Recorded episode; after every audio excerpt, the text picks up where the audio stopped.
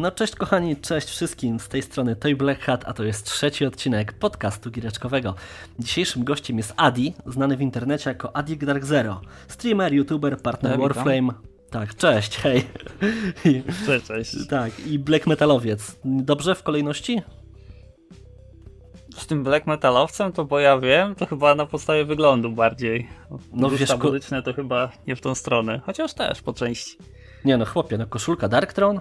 Ja nawet sobie przygotowałem pytanie takie, wiesz, kontrolne, żeby sprawdzić, czy jesteś naprawdę true, O wiesz. kurczę. O, o, Chyba skład. tylko z wyglądu. Ale co, składu Darktron nie, pozory wy... mylą, no. tak? Składu Darktron nie wymienisz? Znaczy parę piosenek tam mam w playliście, to na pewno. Znaczy staram się nie ograniczać z jedną kategorią muzyczną. Nie, no ja też nie, nie? Tyle, że po prostu wiesz, tak, no. Mm, st- sta- stare czasy mi się przypomniały, kiedy wiesz, kiedyś, wiesz, sta- starszy metal spotykał młodszego, nie? I, I wiesz, skład kapeli albo wyskakujesz z koszulki, nie? A, to nie. To mnie starsze czasy to to, co na Polsacie leciało. To Disco Relax leciało na Polsacie kiedyś. No? Bogdan Smolej do Modern Talking. No, szaza. Dobra, okej. Też. Tak, dobra. Ja teraz standardowe marketingowe mambo jumbo opowiem. Mhm. Zatem, kochani, podcastu giereczkowego można słuchać na Spotify, iTunes, Apple Podcasts, Google Podcast oraz praktycznie w każdej apce podcastowej. Dodatkowo można słuchać na stronie podcastgiereczkowy.pl, jeżeli ktoś nie ma ochoty słuchać tego w apce. I teraz mam prośbę, zachęcam również do szerowania w social mediach, dzielenia się ze znajomymi oraz polecania, jeśli uważasz, że robimy tutaj dobrą robotę i warto się z tym podzielić. Naprawdę będziemy wdzięczni. Dobra, Aha, i jeszcze ogłoszenie takie, ponieważ mamy dwa zaprzyjaźnione projekty. Chciałem wszystkich zaprosić na em, kanał YouTube Gracz e, albo Gracz Watch, Elo Badyl. No to, to wiesz, youtuber Kenneth z 10-letnim stażem, także zapraszam serdecznie. On nas wspiera, więc ja wspieram jego. Także zapraszam Gracz Watch. Oraz jest nowy podcast o ciężkiej muzyce. Tutaj na zachętę chciałbym, żebyście się zainteresowali. Podcast nazywa się Ciężkie Majki. Nie wiedzieć czemu wszyscy już go chrzcili jako Ciężkie Majtki. W każdym razie ten podcast również możecie znaleźć na Spotify i na Apple Podcasts. Także zapraszam serdecznie. Pierwszy odcinek się ukazał chyba w środę. No. Dobra, okej, koniec, wracamy do tematu. Więc ta, tak zgodnie, zgodnie z taką formułą od, od wieków wypracowaną, porozmawiamy sobie, Adi, w jakie gry ostatnio graliśmy. Więc ty pierwszy. Mhm. Co ostatnio zagrywaliśmy się, tak? Tak jest. Fabularnie czy multiplayery też się liczą? Wiesz co, wszystko po kolei. No w co ostatnio grałeś? Tak, żeby tak wiesz, taki profil, profil ciebie 2. jako gracza. Wow, Destiny 2, I- ale już, już po tych wszystkich patchach? Z tymi wszystkimi patchami, tak? E, po przejściu na Steama, po przejściu na Steama, no. Aha. I jak? Razem z wszystkimi DLC-kami. E, fabularnie bardzo mi się podoba. A lepsze niż z Fabularnie jest naprawdę super. A lepsze niż Jedynki nie, jedynka? jedynki nie, nie sprawdzałem. A, jedynki nie sprawdzałeś. No właśnie, bo mi Nie. się, inaczej, mi się dwójka też bardzo podoba. Właściwie w tej grze mi się podoba i grafika, i artystyczny projekt, i fabuła, ponieważ fabuła jest naprawdę mocna. Ja co prawda zakończyłem mo- moją przyjemność, znaczy moją, moje, moje granie w Destiny 2 na, na tym DLC-ku y, o Marsie, czyli tym drugim DLC. Mhm. I później już nie grałem, także, także niespecjalnie, niespecjalnie jestem w stanie się wypowiedzieć. Ale co, te, te DLC późniejsze są też spoko? Tak, tak, a czy odczuwasz coś takiego, że im nowsze DLC, tym może to jest spowodowane tym, że jesteś lepszy, masz e, lepsze wyposażenie i szybciej ci to idzie, ale im dalej w grę, tym szybciej one po prostu schodzą. Tak czujesz, że o to pierwsze powiedzmy poświęciłeś 4 godziny, następne już tylko dwa, ale każde wciąga tak samo i mają ten swój klimat. A może są po prostu krótsze? Możliwe. No bo mi się na przykład strasznie podobało na Merkurym, ten DLC z Merkurym. Mówię, już nie pamiętam nazw tych DLC, więc w każdym razie ten na Merkurym, gdzie, gdzie, gdzie idziemy do tego ogrodu, to się chyba ogród nazywało, em, gdzie są takie, wiesz, on wygląda jak symulacja komputerowa. I to graficznie po prostu mi się A, stra- wiem, wiem o Tak. co chodzi. I to po prostu grafi- graficznie mi się strasznie podobało. Mówię, no ja, ja jak tylko zacząłem w to grać, to od razu usiadłem do edytora pixelartu i Bodajże zacząłem sobie własne pixelarty Klątwa. Ozyrysa? Tak, klątwa Ozyrysa, dokładnie. Mhm. Mm? Teraz to jest jako już w podstawce wbudowane za darmo po prostu. Nie no wierzę, no bo to wiadomo... Kiedyś to było właśnie, no, jako tak, DLC, tak, tak, tak, tak, tak, tak. No ja jeszcze, wiesz, po 20 euro kupowałem, nie? Te DLC-ki Mm. na premierę. No w każdym razie na mnie zrobiło to niesamowite wrażenie, nie? Czyli co, mówisz, że dalej fabularnie jest spoko. Tak, tak. Dodatkowo te, no, tak jakby zaplecze też troszkę fabularne z Battle Passa. Też mhm. właśnie było teraz nawiązanie w najnowszym Battle Passie e, w tych zadaniach do właśnie tej klątwy Ozyrysa, do tego, co tam się działo. Hmm, super. A powiedz mi jeszcze, bo tam był ten tryb, który oczywiście zapomniałem nazwy, ten um, um, o jak on się nazywał, że są dwie drużyny i oni mogą sobie spawnować potwory, wroga, bossa takiego. Tygiel? Tygiel? Ty, nie tygiel. Chodzi, chodzi mi o ten tryb, mm, już mówię, nie pamiętam nazwy, że są dwa teamy, one zbierają jakieś punkty tam czy coś, jakieś tam bonusy, jak uzbierają pewną ilość y, właśnie punktów, to mogą przywołać bossa na arenę tak, tego Tak, i to ma, wersję, to ma wersję Prime jeszcze, ten tryb, wow. co pamiętam. Gambit? Gambit, dokładnie, o, tak jest. Tak. I grałeś w to, to w ogóle? Jest, to fajne? To jest jedyny tryb z tych wszystkich PvP, który mi się podoba. Taki PvP mieszany z PvE. To jest jedyny, który mi się podoba z tych wszystkich. No właśnie, właśnie tak ja, ja w niego nie grałem i jestem strasznie ciekaw opinii, bo to i to tak wciąga naprawdę? Jest, jest fajne, bo tak wiesz, no. Tak, ten, ten tryb jest naprawdę fajny. A na czym bo, polega jego grywalność, miodność? Hmm, ja bardziej lubię właśnie te rozgrywki PvP E, takie przeplatane z PvP i to jest właśnie fajne, że zabijasz te moby, zbierasz tam te okruchy i zależnie ile okruchów płacisz, to wysyłasz przeciwnikom e, odpowiedniego w sile mobka, nie? Mhm. I też masz szansę tak jakby nawiedzić, taka terminologia Dark Soulsowa bardziej, e, przeciwnika i przeszkadzać im właśnie w zbieraniu tych okruchów, zabijając ich, czy też jak jest już ten ostatni boss, po prostu e, lecząc im go takie mhm. przeszkadzanie jedno, jeden drugiemu. Są oczywiście takie mm, nieprzyjemne strategie, że na przykład z bazuką tam wchodzisz i no wiadomo, one shot, one kill. Czasami nawet cały team się uda, jak stoją w miejscu, ale ogólnie gra, gra się naprawdę fajne, fajnie w to i są różne mapy, także nie ma tego powtarzania się co chwilę tego samego. Aha, czyli generalnie wciąga. No widzisz, to mówię. Na bardzo... pewno bardziej niż zwykłe PvP.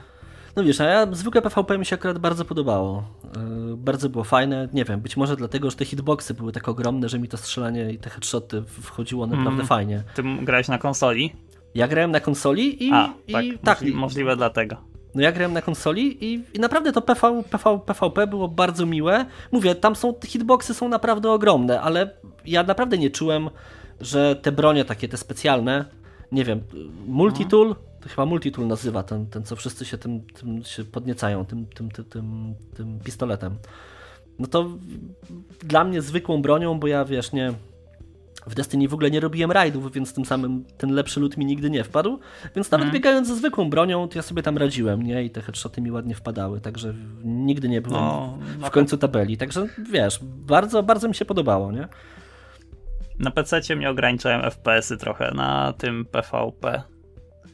Tak? To, to Także już, to mi się zdaje, że na PC jest już ta różnica, że kto ma więcej FPS-ów, ma tą płynniejszą rozgrywkę, jest minimalnie troszkę lepszy od tej osoby, co już tam wiadomo, wolniej jej to chodzi. No widzisz, no ale to specyfika PC-ów, no niestety, to, mhm. to trzeba, trzeba zawsze inwestować w sprzęt, nie? Dobra, to co? To co, co jeszcze grałeś? Ostatnio, co jeszcze grałem? Sekiro, ale to, to już wiadomo, wszystkie Soul Gamesy trzeba przejść. Powróciłem również do Darkest Dungeon. A tak, bo widziałem streama, faktycznie. Mhm. Ale ty grasz z modami w ogóle w to.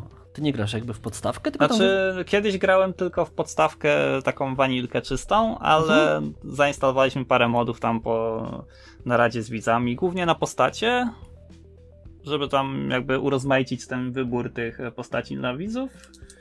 Także nie ma takiego dużego wpływu na poziom trudności, czy też, będzie ta gra łatwiejsza dla mnie, nie?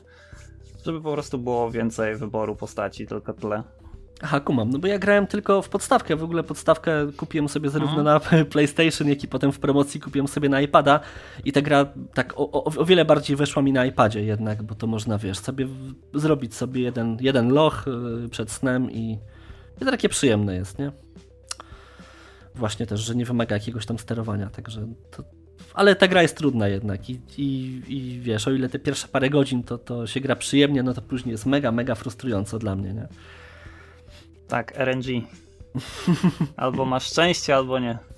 No tak to jest, nie? Ale to z drugiej strony wiesz, no tak. Niezdrowo trochę podnieść sobie ciśnienie przed snem, ale no. Tak, tak, tak, tak to jeżeli mowa o niezdrowych grach, to właśnie ostatnio takie FPS-y też mnie namówili na powrót do CS-a i jeszcze ten Tom Clancy e, Rainbow Six Siege. Ale to właśnie takie czysto multiplayerowe już gry, nie? No tak, tak, tak. No, w Rainbow Six grałem, grałem 3 godziny, przez 3 godziny bite grania udało mi się jednego fraga zdobyć, także o, mm, ostro. Dla, dla mnie ta gra to. Ja w to gram jak w Call of Duty, wiesz, widzę coś, to strzelam, a oni tam, jak z widzami gram, to oni jakieś klasy rozpoznają, że tu to trzeba położyć, jakąś pułapkę, tu jest bomba, to jest no, czarna magia dalej dla no, mnie. Ale dokładnie, właśnie, bo to jest, wiesz, znajomość mapy plus znajomość klas, bo te klasy są, klasy są naprawdę zróżnicowane i są. Tak. Kurczę, no ka każda ma unikalną umiejętność, która o dziwo się przydaje, mhm. nie? Tylko, że trzeba, wiesz, umieć dobrać klasę do miejscówki, dobrać klasę do teamu to tak, tak jest... tu jakąś ścianę, gdzie można co rozwalić, gdzie co rzucić, to, to jest naprawdę... Tak, tak, tak. Właśnie z takim Call of Duty'owym, z Call of Duty'owym podejściem to ciężko w tej grze przeżyć.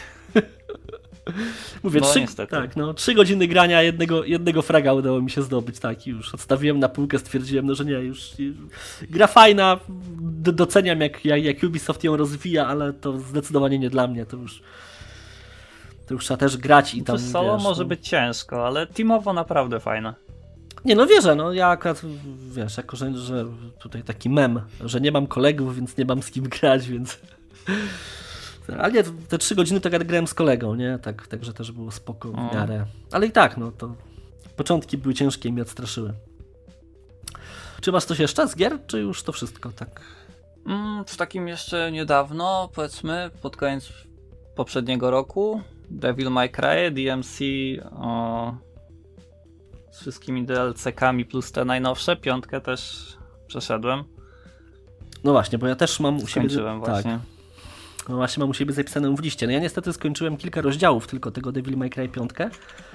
No i jestem pod wrażeniem z tym, że zacząłem grać w Warframe i trochę, trochę, trochę sobie to odpuściłem, ale mm, no gra, gra, powiem Ci, że zrobiła na mnie wrażenie, bo jest taka y, na początku łatwa, łatwa w sumie easy to play, a hard to master, nie?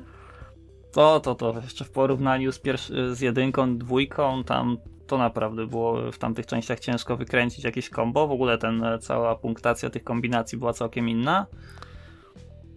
Ale fajnie jest to zrobione. Dalej kontynuują ten, e, bodajże chyba z czwórki, z tą postacią Nero, historię trochę przewidywalna, trochę powtórzeń. Jeżeli ktoś grał w poprzednie części, na pewno się doszuka takich powtórzeń e, fabularnych i zabiegów e, gamingowych, że powiedzmy e, paterny są takie same. Mhm. Prowadzenia danej misji, czy też rozlokowania w ogóle całej fabuły i wszystkiego, jak się to toczy. Tak na przykład to było chyba w czwórce bodajże, że jedną część gry przechodziliśmy Nero, a po, potem z powrotem tą samą część gry, tylko od drugiej strony przechodziliśmy na przykład Dante, nie? Mhm. Także no widać e, te właśnie takie powtarzające się zabiegi z poprzednich części, ale no bardzo fajne, spodobało mi się. Nie no, wiesz, no mi graficznie walka z bossami taka, wiesz, dość, dość, dość przyjemna, no i tradycyjnie sterowanie tutaj mnie ujęło, bo jest naprawdę fajne, responsywne, szybkie i, i, i wcale nie irytujące, nie? Także to, to bardzo mi się spodobało, z tym, że mówię, no nie pograłem za wiele no bo zająłem się graniem w Warframe, także no. Mhm. Ale o, o Warframe to pogadamy. No ja powiem Ci, że jeszcze mam taką grę, bo też sobie kupiłem jako prezent gwiazdkowy Generation Zero. Też grałem na PlayStation 4. Ty również w to grałeś, z tego co tam sobie rozmawialiśmy hmm, tak, kiedyś. Tak, tak, grałem, grałem. Tak, tak. Taka bardzo fajna gra utrzymana w, w klimacie Szwecji lat 80. No, dla mnie w ogóle klimatycznie mocno spoko. Yy, i o dziwo ta gra, pomimo tego, że jest, no, no nie ukrywajmy, no to jest, jest to średniak, no to nie jest nic wybitnego, ale mm, to jest taki taktyczny survival horror. To znaczy, jeżeli, znaczy nie horror, taktyczny survival, o, survival shooter, z tym, że mm, jeżeli gra się w teamie, no to wiadomo, że on jest prostszy. Natomiast jeżeli gra się samemu, no to już trzeba y, taktycznie, taktycznie podchodzić do, do, każdego starcia, bo mimo wszystko tam już po dwóch godzinach gry, no to, to przeciwnicy robią się naprawdę trudniej, także to, to gra, granie, granie solo naprawdę wymaga dużej, dużej taktyki. Ale generalnie gra bardzo miła, bardzo przyjemna. No, oczywiście są błędy, mi od razu powpadały jakieś trofea, nie wiedzieć czemu, za co. Zrobiłem tam jednego questa pobocznego, a już mi wpadło, wpadło mi trofeum za 25 questów, wiesz, takie, no takie cyrki tam się działy, nie, w tej grze tam. Oczywiście. No, ale mechy są. No mechy są. Są roboty. No są roboty, no. Przecież strzelamy do robotów. Właśnie to, to mnie, mnie to głównie przykuło do tej gry. Tak, Bo teraz jest dużo tych y, gier survivalowych, mhm. no ale no te mechy głównie jako przeciwnik, nie że tam jakiś zombie czy coś, tylko że są te mechy, które tam patrolują i będą na ciebie tam polować, nie? To, to głównie właśnie przykuło do tej gry. O, ze strony PC-ta optymalizacyjnie na początku było słabo. Ale to chyba z większością tak gier jest na PC, jeżeli chodzi o początki, bo to chyba w Early Accessie było, jeżeli się nie mylę. Na PC przynajmniej. No, na konsoli to kupiłem w pudełku, także to już wiesz. Mm. I, I z kolei co do optymalizacji do tej, do tej gry, póki co nie ma za bardzo co się przyczepić, bo no 30 FPS-ów jest, no i ono jest. No, wiadomo, że to nie jest żyleta, nie? Poza tym mówię, no ta gra to jest taki naprawdę, naprawdę średniak, ale przez ten klimat Szwecji z lat 80., przez te wszystkie znajdźki, przez ten environmental storytelling, te historie, fragmenty, dzienniki, zapiski, które znajdujemy rozsiane po tym świecie, no jest ciekawa, no naprawdę mm, potrafi przykuć na, na, na dłużej, nie? Także... Mhm. I też nie jest taka liniowa, bo masz praktycznie, możesz iść gdzie chcesz. Nie musisz iść tam, gdzie cię quest prowadzi zadanie, tylko możesz iść całkiem w inną stronę i sobie zwiedzać. Tak. No, znaczy, to, to też jest trochę tak, bo jak pójdziesz tam, gdzie nie trzeba, no to napotkasz już mocnego tego mecha, tego robota. Także tak. Um... No, survival w końcu, nie? No, nie, no wiadomo, trzeba nie? kombinować. Ale tak troszkę jest jak w Soulsach, w sensie jak widzisz, że jest coś mocnego, no to lepiej cofnij się i pójdź jednak drogą questu. Tak, tak, tak. Tak, tak tutaj to, to niestety tak jest. Ale to szacunek za to, że można sobie iść mm, gdzie się chce. Poza tym strasznie fajna jest y, mm, ta eksploracja tego terenu, ponieważ no to jest no taki klimat tych jezior, mhm, tak. wysepek na, tym, na, tym, na tym morzu. W sumie to chyba morze jest. Domki też bardzo fajnie. E, nie, że tam powiedzmy jeden pokój czy jedno pomieszczenie, ale w domkach jeszcze szafki można dodatkowo przeszukać i poszczególne tam meble.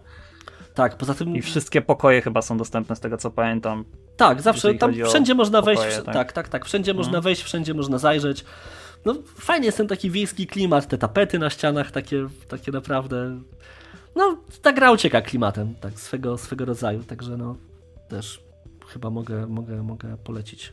Mimo, że to średniak, ale w promocji to nie grałem co prawda, ty w ogóle... To zabawy mhm. w kilka osób to tak. No właśnie, a ty grałeś, grałeś solo, czy grałeś w kilka właśnie osób? Właśnie solo grałem i No ja też grałem solo. Nie było takiego fanu za bardzo. No widzisz, właśnie wydaje mi się, że jakby się grało w kilka osób, to ta gra byłaby za prosta. Natomiast y, no tutaj czuć ten challenge, naprawdę czuć ten challenge, jeżeli jesteś sam i musisz korzystać z różnych taktycznych udogodnień, typu magnetofony, które sobie rozstawiasz, żeby mhm. przyciągnąć y, Ale robota. nie wiem, czy wiesz, mhm bo ja nie grałem może w to tak dużo, ale czy silnik gry jest zależny od tego, znaczy silnik gry, przeciwnicy są zależni od tego, ile jest osób, czyli powiedzmy jak grasz w czterech, to tych przeciwników jest więcej, czy ich jest dalej e, tak skryptowanie tyle samo, co jakbyś grał samemu? No właśnie tutaj jest zagadka, ponieważ, grasz, no. ponieważ nie, nie próbowałem nigdy grać y, tam po sieci z kimkolwiek. Może jak właśnie są cztery osoby, to może jest trudniej, wiesz, bo tych przeciwników jest więcej na przykład. Każdy na jedną osobę. Wiesz co, wydaje mi się, że nie do końca, bo zawsze i tak lądujemy w świecie czyjegoś gracza, który jest jakby wiodącym, mhm. czyli tym świecie save'a jakiegoś, nie? Więc e, nie wydaje mi się, żeby ich było więcej. Natomiast one mogą być trudniejsze, w sensie mogą się zmieniać w gąbki na pociski, ale to... Mhm. To do sprawdzenia w każdym tak, razie. do sprawdzenia. No ja, ja, ja niestety nie ogrywałem, no. I pewnie nie ogram tego w multi, ale... No cóż. Dobra, to co, mamy coś jeszcze? Czy możemy już przejść do głównego tematu naszego odcinka, czyli Warframe? Tak. Okej, okay, dobra. Więc przede wszystkim, stary, no mam do ciebie takie pytanie, ponieważ ty jesteś yy, partnerem Warframe, czyli takim jakby jest chyba jedynym w Polsce, prawda? Mhm, tak. Na Super. ten moment tak. Na ten moment tak. Ty powiedz, na czym to partnerstwo w ogóle polega? Na czym polega? Czy jakie mam w sumie zobowiązania? Może tak? No w ogóle, jakie masz Bo zobowiązania? Ostatnio, osta mhm. Ostatnio była zmiana, bo na początku to wyglądało tak, że byłem zobowiązany raz w tygodniu um, robić jakiś materiał czy tam stream z Warframe'a, A teraz e, na dniach zostało to właśnie zmienione. E, Warframe już nie szuka powiedzmy ludzi, którzy chcą to robić na siłę albo zmuszać kogoś do tego, tylko bardziej szukają ludzi, którzy robią to z pasji, którzy robią to dla gry, dla community. I mhm. już nie ma takich wymagań, że raz w tygodniu musisz coś zrobić e, i koniec. Chociaż nie wiem, czy wcześniej też by ktoś to jakoś bardzo na to naciskał, bo jak ktoś zostaje Warframe partnerem, to wiadomo, że ta gra była dla niego tak jakby tym głównym wątkiem tego, co robił. Więc no, nikt na, pewno nikt nie robi czegoś aż tak bardzo na siłę, żeby poświęcać się dla jednej gry, żeby mieć e, powiedzmy tam partnerstwo czy coś i po prostu się męczyć z tym, nie? Mhm. Rozumiem. A powiedz mi, czy masz w ogóle jakiś dostęp do jakichś informacji takich, które, których nie znają inni gracze? Na przykład jakieś wcześniejsze info? Mm, jeżeli chodzi o takie rzeczy, co będą w grze, to nie. Czasami dostajemy wcześniej powiadomienia, ale to również jest na forum. My dostajemy e, pingi takie same jak są na forum, to my też o tym wiemy no z Discorda, nie? Więc to, co jest na forum, to my wiemy, ale też jak, jakichś takich super e, wcześniejszych rzeczy, to nie. Przynajmniej e, ja nigdy się o takie informacje nie starałem, bo zawsze wychodzę z założenia, no jest to NDA, nie możemy o tym mówić, ale po co mi też to wiedzieć, skoro no ja z tym nic nie zrobię, nie? Ani się jakoś nie przygotuję, ani nic. I nie lubię za bardzo spoilerów, e, też takiego hypowania się wcześniej, bo wiadomo jak to jest. Coś wyjdzie i będzie całkiem inne niż zapowiadali, nie? Nie, no tak, tak, ale z drugiej strony wiesz, no ten taki przyjemny dreszczyk emocji, że wiesz coś wcześniej. Tak. Ale okej, okay, no to już wiesz, no. zależy. No ja tak cię chciałem trochę podpytać właśnie, jak to jest Ja nie lubię właśnie trzymać spoilerów, e, mieć Aha. spoilerów, nie? Jak coś wyjdzie, to super, o, sprawdzę, będę, wiesz, zaskoczony niż już po prostu wiedzieć i mieć coś ograne, bo mimo wszystko po tylu godzinach e, ja tylko czekam, aż będzie coś nowego. A jakbym wiedział wcześniej, że coś będzie, to już to nie będzie dla mnie takie nowe i może to mm, ta ekscytacja e, tym nie będzie już taka duża, nie? Bo a, wiedziałem, że to będzie i a, mech. Aha, rozumiem. Wyekspić i zostawić. Mhm. Czyli, czyli tak raczej rozumiem w tę stronę, takiej bardziej, bardziej uczciwej dla, dla siebie. O, może tak, chyba. Dobra, czyli, czyli co, podpisałeś NDA, nie? Ma, tak, tak, tak, tak. Aha, świetnie. Czyli tak, jednak tak. mimo mhm. wszystko coś tam może, może, może, może, może tam można by się podpytać o coś. Um... W sumie nawet nie wiem, czy są jakieś umowy partnerskie nie posiadające NDA, bo nawet e, umowa partnerska z Twitchem też posiada NDA. A, no proszę, to nawet nie wiedziałem. No ale to już nie, no wiadomo, że to wiesz, no umowa musi chronić mhm. przede wszystkim wydawcę, nie? czy, czy, czy tam, nie wiem, dostawcę danej usługi, nie? Także wiadomo. No to wobec tego, skoro i tak nie masz tych info, no to wobec tego możemy sobie tylko jałowo podyskutować, czy, czy spodziewasz się, czy będzie Warframe, ten sam Warframe y, na nowe generacje konsol? Hmm, to jest w sumie ciekawe, bo ona już niedługo, tak? No, w listopadzie. Co, co, prawda nie wiadomo, czy ta generacja w ogóle wypali z uwagi na, na wirusa w Chinach i, i ograniczone możliwości produkcyjne. Mhm.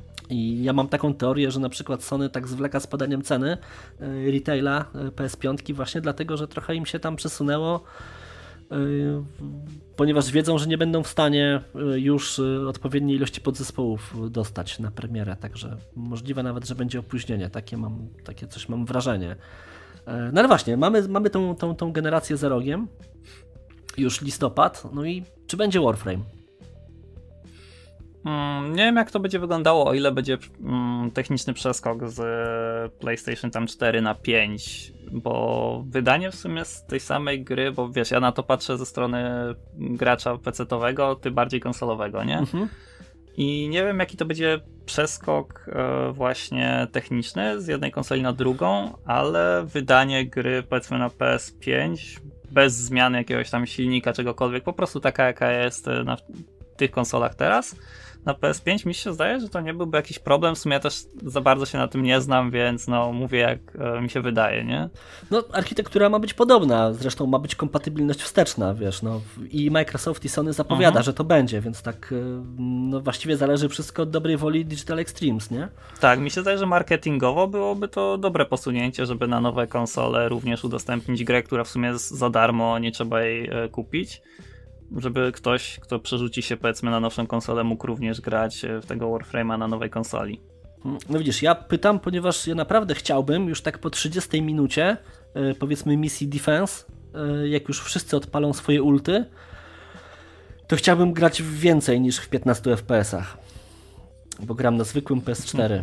Także to na, naprawdę, naprawdę mnie to boli. Poza tym zauważyłem, jak tak obejrzę, oglądałem sobie i twoje streamy, i streamy innych i y, mm, jak ludzie grają na konsolach, to jest zupełnie inna, in, inna gra, ponieważ na kons- znaczy nie inna gra, tylko inny jakby y, model grania. Na konsolach wszyscy grają albo właśnie yy, bazując na umiejętnościach, albo na broni białej, ponieważ celowanie w tych warunkach, mhm. kiedy jest 15 FPS-ów, no to sorry, ale się nie da.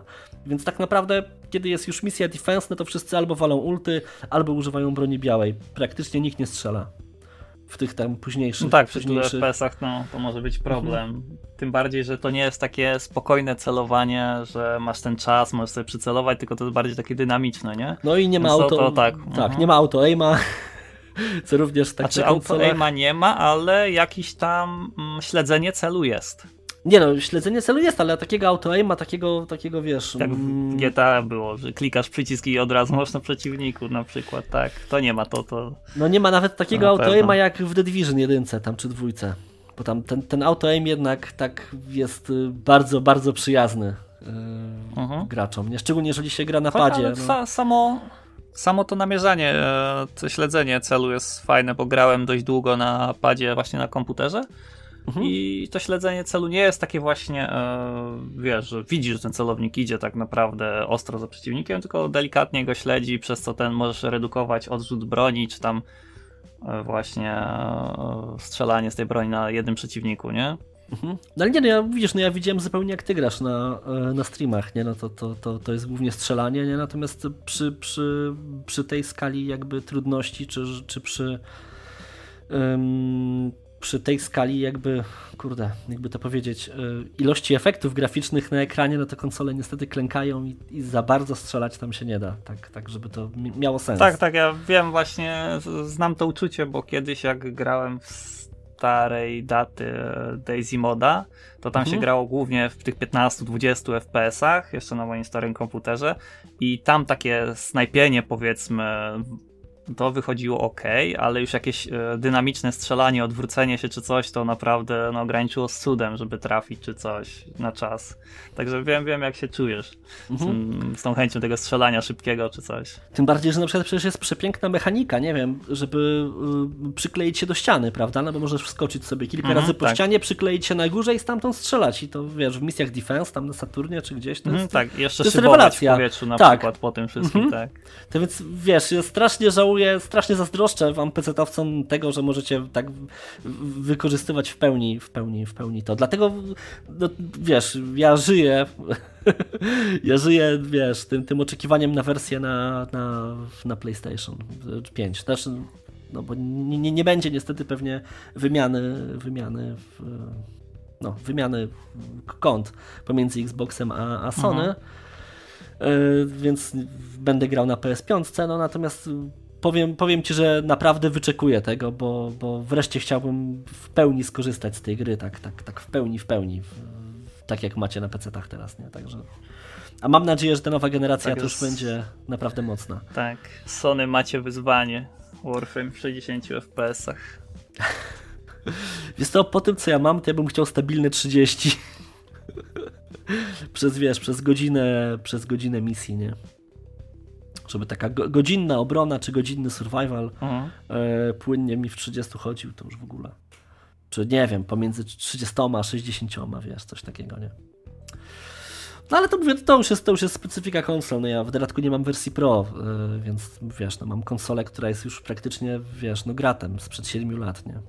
No bo de facto de, de Z tą facto, wersją Pro tak. słyszałem różne właśnie takie teorie i też ludzi, którzy mieli taką i taką konsolę, że to głównie ma znaczenie przy tych nowszych grach, przy starszych to nie czuć różnicy, że tylko właśnie przy tych najnowszych grach to ma takie tam znaczenie tych 60 FPS-ów i płynności. No ja wiem, ale wiesz, kurde, no z drugiej strony jakby mi skoczyło z tych 15 do 24, to i tak byłbym zachwycony, nie? Ale no już teraz nie będę pod koniec generacji kupował Pro, no bo to już w ogóle bez sensu, nie? Tym bardziej, że, że, że, wiesz, że celuje i tak w Xboxa chyba na premierę jednak. A, a, a Sony to w drugiej, w drugiej kolejności, nie? Dobra. No to skoro już tak się rozgadaliśmy, no to teraz powiedz mi, tak zgodnie, zgodnie z listą, jak wyglądały twoje początki w Warframe? No to i ta gra. W... Moje początki Warframe. No skąd? To... Dlaczego zacząłeś grać w ogóle? Czym Warframe się ta gra... chyba 2013. Warframe pojawia się na Steamie, no to wiadomo, Steam, o, trzeba sprawdzić gra na Steamie, nie? Mhm. No i mój początek wyglądał tak, że no włączyłem, fajne, podoba mi się, ale nie chodzi mi. Niestety za słaby komputer wtedy był, zrobiłem sobie przerwę na chyba jakieś dwa lata i później zagrałem znowu. No, oczywiście gra się bardzo zmieniła i potem się zmieniała jeszcze coraz bardziej, jeżeli chodzi o cały ten wygląd, interfejs, wszystko.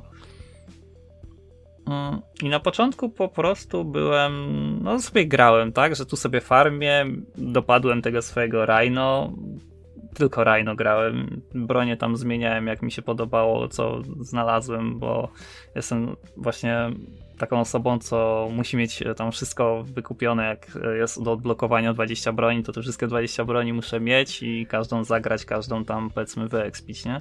Mhm. No to ja no też tak, tak mam. No. Mhm. Przez długi czas właśnie grałem Rhino, bo mój pierwszy Warframe, który już jest niedostępny jako początkowy, to był Loki. A, który, wiesz, był. ja, ja mhm. myślałem, że o, to będzie super, tu znikanie, ninja i te sprawy a niestety Loki był taki dość useless, bo nie miał za bardzo ofensywnych umiejętności, miał znikanie, mógł postawić tego swojego klona, ewentualnie rozbroić przeciwników i tam im jakiś mały damage rozdać, wiadomo, no jak się nie ma modów, to no, ten Warframe praktycznie nic nie robił, nie? Mogłem mhm. zamienić się tam miejscem z przeciwnikiem i to było tyle, no dlatego się potem przykleiłem tak bardzo do tego Rhino, bo mogłem przeżyć nie wiedziałem jeszcze wtedy w ogóle jak modować. Wrzucałem wszystko, co widziałem, że zmienia mi statystyki, czyli tarcza, szybkość odnawiania tarcz i życie. No to, to, to było co tak, wrzucałem. Tak. tak. Mhm. No i później zacząłem streamować tego Warframe'a i wiadomo, pojawiło się parę osób, które mi pomogło. Dostałem też pierwsze prezenty pierwszego Prima, właśnie Necrosa, później też Lokiego. No i tak zacząłem już grać, zacząłem e, się bardziej interesować tą grą, wciągnąłem się w ten grind właśnie, w ten mm, odblokowywanie wszystkiego. Też achievementy na Steamie miały duże znaczenie, żeby mieć je wszystkie.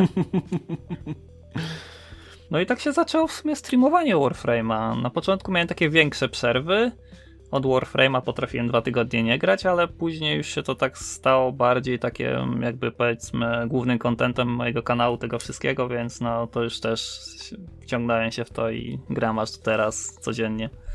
No, no, nie no, fajnie, nie? Bo ja mam zupełnie inaczej. W sensie ja zacząłem grać y, chyba w 2015 roku i ja mam takie sesje z Warframe'em, że gram powiedzmy miesiąc, że nie gram w nic innego, tylko w Warframe'a, tłukę, tłukę, aż w końcu mi się na tyle nudzi, że sobie robię odpoczynek i powiedzmy za rok znowu odpalam i, i o kurde, jaki ten Warframe zajebisty. I znowu gram miesiąc, że nic nie gram, czasami wstaję, wiesz, jak w nocy nie mogę mhm. zasnąć, no to a, nie mogę spać, to idę sobie tam pogrindować, nie? I znowu, tak gram dużo, że mam przesyt, znowu muszę trochę odczekać i znowu dalej kontynuuję, także też, wiesz, mam jakby, widzę jak ta gra się zmieniała, yy wiesz, bo um, u, ciebie jak ta gra, wiesz, jak ty cały czas grasz w tę grę i widzisz jak ta gra się płynnie zmienia z każdym hotfixem, z każdym update'em, mhm. no to, to zupełnie, wiesz, no i natomiast um, inaczej, natomiast kiedy ja tak wchodzę powiedzmy z tym interwałem około roku, za każdym razem wracam na, na, na powiedzmy około miesiąc do Warframe'a, no to widzę, widzę tę, wiesz, y, potworną różnicę, nie? Jak ta gra na początku była w sumie nic nie wyjaśniała dla świeżego gracza, a teraz i te questy są tak poukładane i tam ten jeden quest triggeruje drugi, są te pomiędzy planetami, tak, te tak junction tak do odblokowania. Nowa, tak, tak, tak, tak. I to jest, y, no to jest zajebiste, takie wiesz, super wsparcie dla tego świeżego gracza, bo na początku, no to dostajesz grę i wiesz, że musisz odblokować planety i w sumie no są tam jakieś questy, ale nie było ich na początku przecież zbyt wiele i właściwie nawet nie było, nie było żadnej nie było żadnej zachęty, żeby je robić, no bo po co je robić? Skoro. Znaczy, dla mnie taka była zaleta, bo mogłem sobie po prostu y, grać w tę grę tak jak ja chcę, a nie jak chcą twórcy gry. Mhm. Więc to akurat było dla mnie, było dla mnie fajne, aczkolwiek no, wierzę, że duża ilość osób się odbijała od tego właśnie z tego powodu. Także to, to, to akurat fajnie, fajnie poszło. No i tak. No i w ogóle gra mnie. Kurczę, no ta, ta gra jest niesamowicie miodna i niesamowicie przyjemna. W sensie na tym najniższym poziomie się przyjemnie w to gra. W sensie y, granie w nią jest po prostu fajne już pomijając to, że jest to free to play i że y, ta gra stara cię tą swoją ekonomią uzależnić jakby od tej gry, nie? Że wiecznie trzeba grindować, wiecznie trzeba te misje robić. Jest, y, ile tam w ogóle jest walut w tej grze?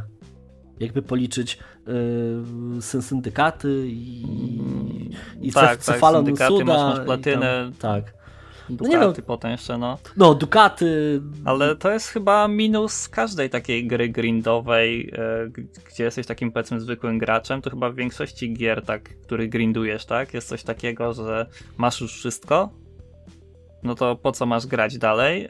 Rzucasz grę powiedzmy na jakiś czas, aż się nagromadzi kontentu, wtedy wracasz, znowu zdobywasz wszystko i znowu je rzucasz. Nie ma, nie ma może w tych grach grindowych takiej rzeczy, która by cię trzymała mm, dzień w dzień, może dlatego są robione takie aktywności, jak na przykład ten Gwiezdny Szlak, że codziennie masz jakiś nowy quest, e, nowe zadanie do zrobienia, za które dostaniesz punkty, za które coś tam dostaniesz, nie? Mhm.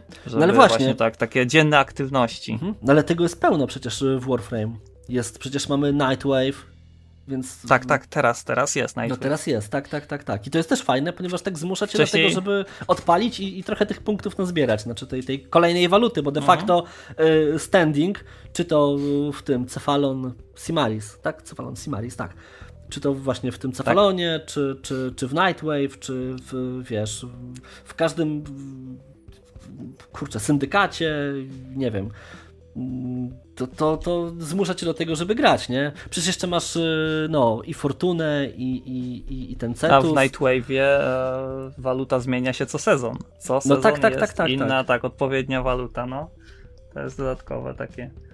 Że nie, że ktoś sobie kiedyś nafarmił i a spokój, tylko no mimo wszystko trzeba dalej tą nową walutę, żeby mieć właśnie te nowe rzeczy. Chociaż ja ci powiem, że ten Nightwave jest dobrym rozwiązaniem w porównaniu do poprzedniego systemu misji, bo jak tyle lat grałem, nie robiłem tych zwykłych misji, tam powiedzmy, nie wiem, na 20 tysięcy kredytów, e, na jakąś, znaczy na, na, skórkę to na początku robiłem wszystkie, bo chciałem mieć wszystkie skórki, ale hmm. na Wobana, czy potem, czy coś innego, ja ich nie, po prostu nie robiłem, czy inwazję, e, coś takiego. Ja tego nie robiłem, ale teraz jak jest Nightwave, to ten Nightwave tak pośrednio cię zmusza do robienia tego, zachęca do robienia tego, bo punkty do właśnie tej reputacji, nie? Mhm no to, i to robisz wszystko. A poza tym tak. wydaje mi się, że trochę y, idzie za tym y, ta chęć deweloperów, żeby ludzie grali w te misje, ponieważ wiesz, że jeżeli masz misje, y, które właśnie, nie wiem, no przede wszystkim czy inwazje, czy, czy, mm, czy co tam jeszcze, czy te szczeliny, Void Fishers, mhm. no, no w ogóle tego tak i, ja wiem teraz, tak, takie wyjaśnienie, disclaimer dla, dla wszystkich. Jeżeli ktoś nie grał w Warframe, to to, o czym my tutaj mówimy, jest strasznie chaotyczne i w ogóle to jest czarna magia. Natomiast ta gra jest właśnie przeobfita w różnego rodzaju, mm, no właśnie, zachęcacze do tego, żeby w nią grać. Czyli mamy masę misji, które poza oczywiście standardową, jakby standardowymi, ile ich tam jest? 250? Jakby tak policzyć? Wszystkie misje ze wszystkich planet? Chyba tak, nie? Oj, no, może będzie tego tyle. No, dodatkowo więc... czasami dochodzą, eventowe No tak, tak, tak, tak, tak, nowe. są eventowe, tak. dokładnie. Ale mamy te 250, 250 e, misji, które możemy sobie wybrać z listy, ale jeszcze są właśnie takie czasowe, czyli albo dzięki którym zdobywamy coś, czyli albo zdobywamy relikty, albo możemy sobie otworzyć te relikty, które też są w pewnym sensie Jakieś walutą. części do broni na przykład. Tak, części do broni, są alerty, e, są inwazje e, i do tego jeszcze dochodzi ten Nightwave, mhm. który zmusza cię do robienia tych misji, ale dzięki temu ponieważ inni gracze również czują chęć, żeby grać w te misje, żeby je robić, no bo są zmuszeni jakby przez deweloperów, prawda? To zawsze jest z kim grać. Ponieważ mnie, powiem Ci, że, że, że troszkę, tak nie wiem, w 2016 roku może to było tak, to chyba ta, ta, ta, ta, ta druga moja e, faza, kiedy, kiedy, kiedy w ten Warframe tak ugrzęzłem na dłużej, to m, kiedy no, no masz do zrobienia, do zrobienia misję, którą, nie wiem, chcesz zrobić, i jest to na przykład Interception i nie ma ludzi do gry i tak naprawdę no, nie jesteś w stanie zbyt wiele w niej ugrać, no bo jesteś sam. Tak, no bo to było kiedyś na podstawie takiej, że te misje co zrobić, to zrobić, odbębnione i o nich zapomnieć, już ich nie ruszać, nie? Mhm. No właśnie, no dzięki temu nie było takie nie bardziej zachęcanie grać, tak. do robienia wszystkiego, tak. No i to jest właśnie fajne, bo dzięki temu mimo wszystko cały czas jest z kim grać. Nigdy się nie, nie zdarzyło, że, że, że masz y, ten matchmaking otwarty, nie, dla wszystkich, publiczny i że ktoś tam do ciebie nie dołączy, nie? Także to jest fajne. Aha, jeszcze tak, żeby tak słuchaczom, są dwa na razie otwarte światy. Y, jest na Wenus i na, na Ziemi. Mm, I tam również też zbieramy osobną walutę, czyli ten standing y, w tych frakcjach, nie? Ale dodatkowo przecież nawet jeszcze. Kilka, no. Nawet kilka, tak. no. A nawet na Wenus jeszcze są te dzieciaki, które tam standing zdobywasz dzieciaki, jeżdżąc, jeżdżąc na desce. Tak. Mhm. No to jest niesamowite, ile jest tam rzeczy do robienia, nie? I, i powiem szczerze też, że no kurczę, przecież nawet jest yy, PvP, prawda? Jest konklawę, ale jeszcze jest przecież ten tryb Lunaris? Tak. Lunaro, przepraszam gdzie grasz w piłkę. Lunaro, tak, taki Hej. Rocket League, tak, Rocket tak. League Warframe'owy, to jest akurat bardzo fajne. No dokładnie, więc jak ktoś jest tam fanem Rocket League'a, no to tak, tak, tak, zapraszam.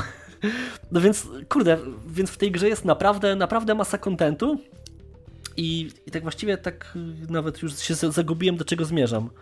Ale chyba do tego, że po prostu marzę o tym, żeby ta gra właśnie wyszła na mocnych konsolach. Chyba tak chciałem to podsumować żeby to w końcu, żeby mógł poczuć tę siłę tego.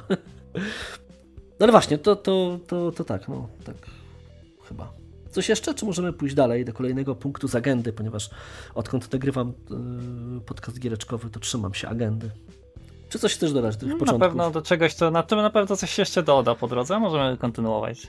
Dobra, więc teraz największa wada gry według internetu, no i niestety również według mnie, czyli gra nie potrafi zatrzymać y, tych średnio, średnio nowych graczy, czyli tych mid, mid, mid, mid game y, players. Prawda? No bo mm, kiedy, bo, bo, ten początek, kiedy gracie tymi questami, które się zazębiają ze sobą y, i, odblokowywaniem kolejnych junction, zmusza cię do tego, żeby, żeby przejść i cię prowadzi za rękę, co się zmieniło na plus, no to później jakby też jesteś trochę zagubiony. I jeżeli nie ryjesz w, w wiki, nie ryjesz yy, wiesz, w społeczności, na forach się nie udzielasz, tak naprawdę strasznie dużo może ci tego, tego tej zawartości i tych możliwości, jakie daje ci ta gra, możliwości rozrywki, yy, możesz kompletnie przegapić. I to jest taka jakby wada, że, że tak często ludzie się odbijają. Właśnie ci, którzy trochę sobie tam odblokowali już i później nie widzą sensu, żeby grać dalej, nie? Bo to mogą być pozostałości e, z tak jakby starego Warframe'a, mhm. bo jak widzisz to, co teraz wszystko wchodzi nowe, e, to jest robione właśnie od początku, że cię prowadzić, pomaga, tu masz zrobić to, tu masz zrobić to i to. I mi się zdaje, że właśnie póki co ten progres jest do tego midgame'u e, doprowadzone, ale mi się zdaje, że dalej też to będzie prowadzone. Nie no, właśnie to jest też fajne, że, że strasznie, widzisz, Digital Extremes bardzo fajnie to rozwija, wiesz, no są te przecież devstreamy, mhm. gdzie, gdzie, gdzie, gdzie oni twórcy, tam, tam jest ta babeczka wiecznie, ta, ta taka miła. I, Rebeka. Tak, tak, tak, a ona w ogóle jest głosem e, Lotus, prawda? Tak, tak. Tak, to też jest fajne, nie? To tak mi się od razu kojarzy z Hellblade, gdzie, gdzie, gdzie aktorką yy, Hellblade Senua Sacrifice, nie? Jest właściwie yy, dziewczyna zatrudniona chyba do grafiki w tej grze, nie? Tak, a, a, a to wyszło naprawdę fajnie, więc tak samo tutaj. Yy, głosy są nagrywane przez, przez deweloperów też po części. I to też mnie tak ujęło, nie? Że tak, tak tak, bo pamiętając starego Warframe'a, to zaczynasz i no rób co chcesz, raszuj każdą planetę jak najkrótszą drogą do bossa, przejdź na następną i tak dalej. A tu jest to fajnie prowadzone tymi questami, tym junction właśnie, że musisz e, zrobić, pokonać tego przeciwnika, żeby odblokować dostęp do następnej planety. Albo no na... Poczekaj, ale... prowadzą cię te questy, mhm. te zadania, nie? No właśnie, junction jeszcze są y, o tyle fajne, że oprócz tego, że musisz tam pokonać bossa i, i, i coś zrobić, to jeszcze musisz poznać jakąś mechanikę, czyli na przykład otworzyć relikt, Yy, przejść z samym... Tak, w tych zadaniach. Tak, no. przejść yy, ileś tam questów z samym mieczem, yy, skończyć jakiś quest, albo zbudować sobie, nie wiem, Spectre chyba, tak, to, to tak by było Widmo. Też. Tak, no widmo, no w każdym, no czy, znaczy o rany i to też właściwie ciężko wyjaśnić dla nowych, ale możemy sobie zbudować jakby klon widmo, jakby klon swojego Warframe'a, albo nie tylko swojego, albo jakiegoś tam przeciwnika innego z gry i Mm, i który ci pomaga w walce, dopóki tam życie mu nie skończy się, nie? To tak, żeby wyjaśnić tym nowym. tak żeby zachęcić. A to akurat chyba nawet jest w zadaniu właśnie coś takiego, że gra e, sama cię naprowadza, żebyś coś takiego zrobił. Mm, no to albo nie pamiętam, albo, albo nie wiem, bo nic takiego nie pamiętam. Ja tylko widziałem, że w Junction było, że muszę zbudować sobie, nie? W, w kuźni. Mhm. Mm, tak, tak, tak, w zadaniu. Tak, tak, tak, tak, tak. Natomiast e, tego. Natomiast co chciałem powiedzieć, z questów mi się strasznie spodobał quest poboczny z Klemem. Po prostu był niby, niby banalny, ale, ale strasznie klimatyczny. Nie wiem, czy go pamiętasz. Mm, oj, to dawno temu, dawno ale teraz było. właśnie dzięki e, Nightwave'owi ten, e, te misje od Klema w ogóle są tak jakby czasami przypominane, że o, jest tam mhm. Klem, u niego masz e, questa sobie wziąć z nim, nie? Mhm. Właśnie powiem ci, że strasznie ten quest mi się spodobał, jakoś tak wyjątkowo mnie rozczulił, wiesz, tak... E to, że tutaj takim trochę spoilerem zarzucę, no ale to chyba nie będzie, że trzeba, trzeba go uratować i on jest taki, wiesz, on, on jest ujmujący, bo nic nie mówi, nie? Tylko mówi klem albo grakata. I to takie, nie wiem, mi się tak spodobało, taki, wiesz, klimatyczny mm, klimatyczny Dlatego patent. właśnie wracając do tego głównego mhm. tematu, tego punktu, to jeżeli chodzi o początkowych graczy, to na pewno gra ich teraz jak najbardziej e, potrafi zatrzymać, bo wiesz, wchodzisz do gry, jesteś jak to dziecko w tym sklepie zabawkowym, wszystkiego widzisz dużo, wszystko chcesz spróbować, zobaczyć. O, taki ten mid-game może trochę przytłoczyć, na pewno, bo jest tego coraz więcej. Tego się, no to nie jest tak, że ty już na początku wiesz, ile tego jest, bo potem się tego pojawia coraz więcej. Ty chcesz wiedzieć, skąd to dostać, skąd to, skąd to. No tym bardziej, Więc że na widzisz. W game mhm. może być jeszcze taki problem, ale mi się zdaje, że to będzie rozwijane jak najbardziej. Nie, no ale z drugiej strony widzisz, no, też mi się wydaje, że to jest zaleta, dla którego społeczność Warframe jest taka fajna, bo tutaj wiem, że jak rozmawialiśmy sobie przed odcinkiem, a to w ogóle śmieszne, śmieszne było, bo tak um, rozmawialiśmy sobie, jak tą agendę poprowadzić i jak się rozgadaliśmy, to okazało się, że to minęło półtorej godziny i w sumie można było nagrywanie wyłączyć. no, w każdym bądź razie um, do czego ja y, tutaj piłem. Aha, że jest bardzo fajna społeczność jednak Warframe'owa, no bo y, po pierwsze jest Wikipedia rozwijana przez graczy przecież, y, jest cała masa kontentu na YouTubie, jest wewnątrz gry czat, gdzie w sumie społeczność jest naprawdę pomocna. Także może brak tej jasno wyłożonej wiedzy w grze o tym, co należy odblokowywać, jak się odblokowuje, e, jaki relikt wypada z jakiej lokacji, tam czy jaka broń wypada z jakiej lokacji, e, trzeba to wszystko, czy jaki mod, gdzie farmić, no to mhm. Mm, po pierwsze mm, zmusza jakby, tworzy, tworzy taką naprawdę zgraną społeczność. Bo ona jest naprawdę fajna wobec mnie, nie wiem, no, na PlayStation jest naprawdę fajnie, a na PC to właśnie, jak to wygląda? To zależy też na jakim regionie gramy, bo wiadomo, każdy region e, ma też swoją ilość graczy. Na polskim jest ich mniej, bo ludzie bardziej ogarnięci, że tak powiem, wolą grać na anglojęzycznym mm, regionie, gdzie jest więcej graczy, ten handel, e, głównie handel, tak, e, mhm. jest bardziej rozwinięty. Też niektórzy mają po prostu tak jakby niechęć do grania po polsku, może tłumaczenie, może coś innego, wolą po prostu po angielsku grać, nie? Ale też długo grałem na polskiej wersji i tam również jest tak samo. Czegoś potrzebujesz, to ci ludzie naprawdę pomogą, pokierują cię, gdzie co masz zrobić. Mało tego, może nawet z tobą pójdą na misję. No, no, tutaj mi się zdarzyło kilkukrotnie prosić o, wiesz, taksi tam do czegoś, nie? Co chciałem zdobyć, mhm. Mm, a do czego sam nie miałem jakby dostępu albo byłem za słaby, także to, no, bardzo, bardzo, bardzo fajne jest. Y, I, I poza tym mówię, no ta społeczność jest taka fajna, no ja akurat gram głównie z Hiszpanami i Francuzami z racji na, na, na moją mhm. lokalizację. E, automatycznie mi po prostu tak, tak, tak znajduje ludzi. Więc e, nie, są, są przyjaźni i, i, i naprawdę fajni, nie? Także też się znaczy, zastanawiam. Mhm. No. Tak, mam taką jakby myśl, czy może faktycznie, że ta gra ona nie jest taka idiotoodporna, w sensie ona nie jest taka mm, strasznie łatwa, jeżeli chodzi o, o, o, o wyjaśnianie mnogości tych mechanik, które są w tej grze, ale może właśnie dlatego ta społeczność jest, y, tak się buduje. No bo w Warframe'a, mhm, no bo w Warframe'a... Inaczej, gra nie, nie dla leniwych. No to, że nie dla leniwych na pewno, nie? Ale wymaga jednak pewnego zaangażowania. Bo tutaj bym, bym może, bym może, wiesz, no mm, oddzielił, y, wiesz, to leniwość, czyli nie wiem, niechęć do, do, do, do grindowania, nie? No bo tego grindu tutaj w tej grze jest naprawdę dużo ale y, przede wszystkim zmusza cię do grania w Warframe'a po wyłączeniu konsoli czy komputera, nie? Czyli na przykład przed snem sobie odpalasz na iPadzie, nie wiem, yy, wiki sobie czytasz, układasz sobie plan na następny dzień, jakie mody będziesz farmił, co tu zrobić, wiesz. Tak, tak, kiedy, tak. kiedy jedziesz, kurde, nie wiem, do pracy, czy nie wiem, gdziekolwiek, do szkoły, czy, czy, czy nie wiem, na spacer, to, mm.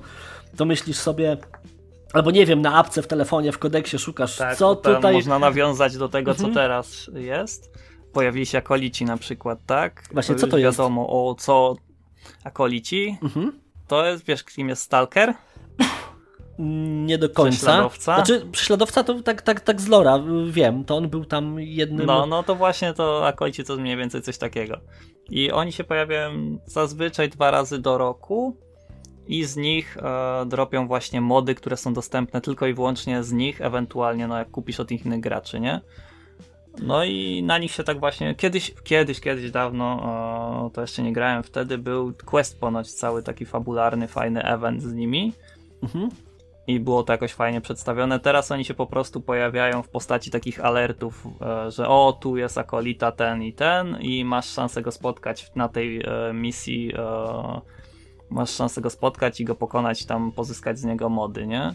No, mhm. Oni teraz powracają bardziej właśnie w takiej postaci bez tej całej otoczki fabularnej, tego wszystkiego, takiego eventu, bardziej jakie, jako takie alerty. Może kiedyś powróci ten quest, nie, był, nie byłoby to czymś złym, może by to było mm, powiązane na przykład z tym trybem mm, na devstreamach, który pokazują, że można atakować innych graczy jako stalker.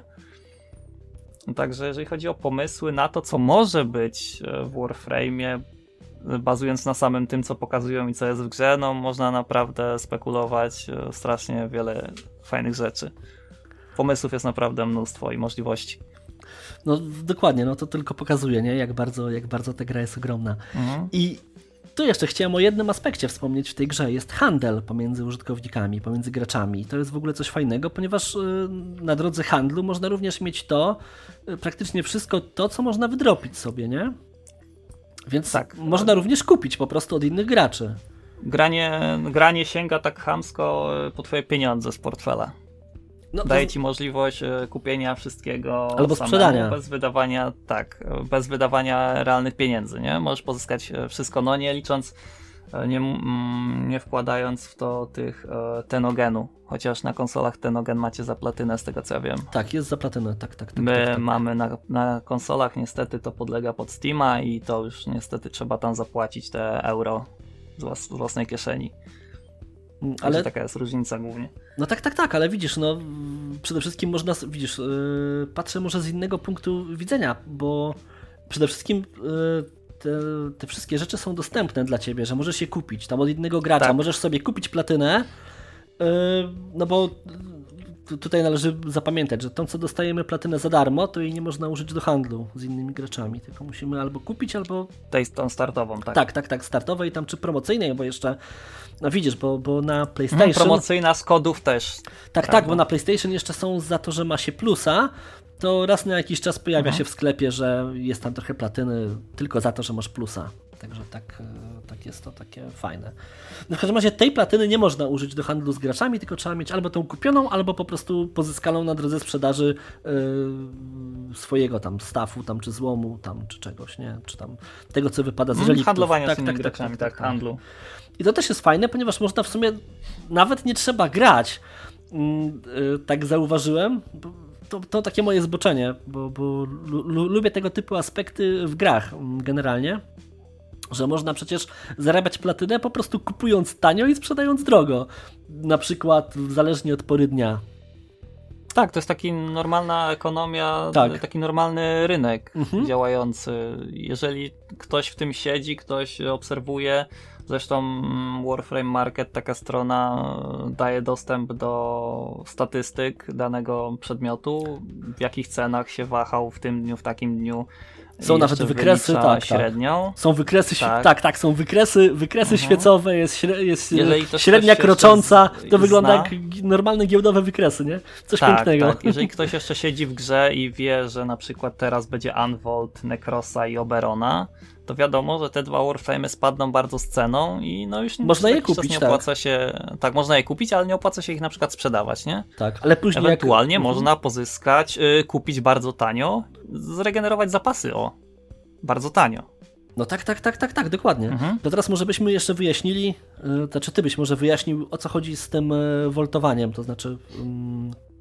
Woltowanie? Tak. E, co jakiś czas, może inaczej, jak wychodzi nowy Warframe Prime, to stary Warframe Prime 1 e, odchodzi tak jakby do krypty, czyli przestaje być dostępny w rotacji e, dropu z reliktów.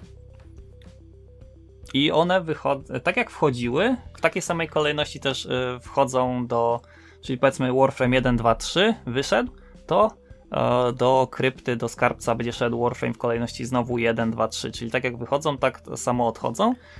No i teraz właśnie to ten system unvoltowania, czyli wyciągania tych warframe'ów, które są niedostępne, trochę się zmienił, bo na początku, może ktoś pamięta, e, wychodziły tylko te warframe'y, które głównie były drogie przez pewien czas, były też nerfione, ale to głównie ze względu pewnie na nowych graczy, na to takie zachwianie tej ekonomii, że one były strasznie drogie i mało kto mógł sobie na nie pozwolić. Ale teraz jest to tak lepiej zbalansowane i ponoć za każdym razem, każdym unvoltem ma wychodzić nowa para, której wcześniej nie było i tym razem padło na Necrosa i Oberona. Będą dostępni przez pewien okres czasu e, w rotacji właśnie w, w reliktach. No, no to wiadomo, że wtedy warto po pierwsze je farmić, ale nie sprzedawać i hmm. po to, żeby jak one z powrotem wpadną do krypty, czyli nie będą dostępne, no to wtedy dopiero opłaca się sprzedać za tam większą ilość platyny, tak. prawda? Warframe właśnie uczy takiej cierpliwości, że jak sobie coś zachomikujesz, coś przetrzymasz, to potem będzie droższe. I ciężko, jak ktoś chce, właśnie to nie jest tak gra, zauważyłem też z doświadczenia na streamach, że to nie jest gra dla ludzi, którzy są leniwi i chcą coś tu i teraz. Bo zazwyczaj jak chcesz coś tu i teraz, to dużo nie wyciągniesz, wiadomo, bo albo coś jest tanie, bo jest tego dużo, a jeżeli chcesz jakieś duże inwestycje robić, to zazwyczaj trzeba odczekać, żeby to się zwróciło i wyjść na plus, nie? Dokładnie, to, to śmieszna historyjka, bo właśnie y, miałem nafarmione relikty z mojej poprzedniej sesji y, Warframe, czyli też tak sprzed około roku, czy tam, nie wiem, półtora roku, no w każdym razie tam z tych reliktów wypadał Volt. Jak od tego Volta sobie Prima sobie farmiłem teraz, to stary, jak miałem te relikty na misję, to wszyscy mnie lubili bo, bo z tych reliktów wypadały rzeczy, które inni gracze również mogli sobie wziąć.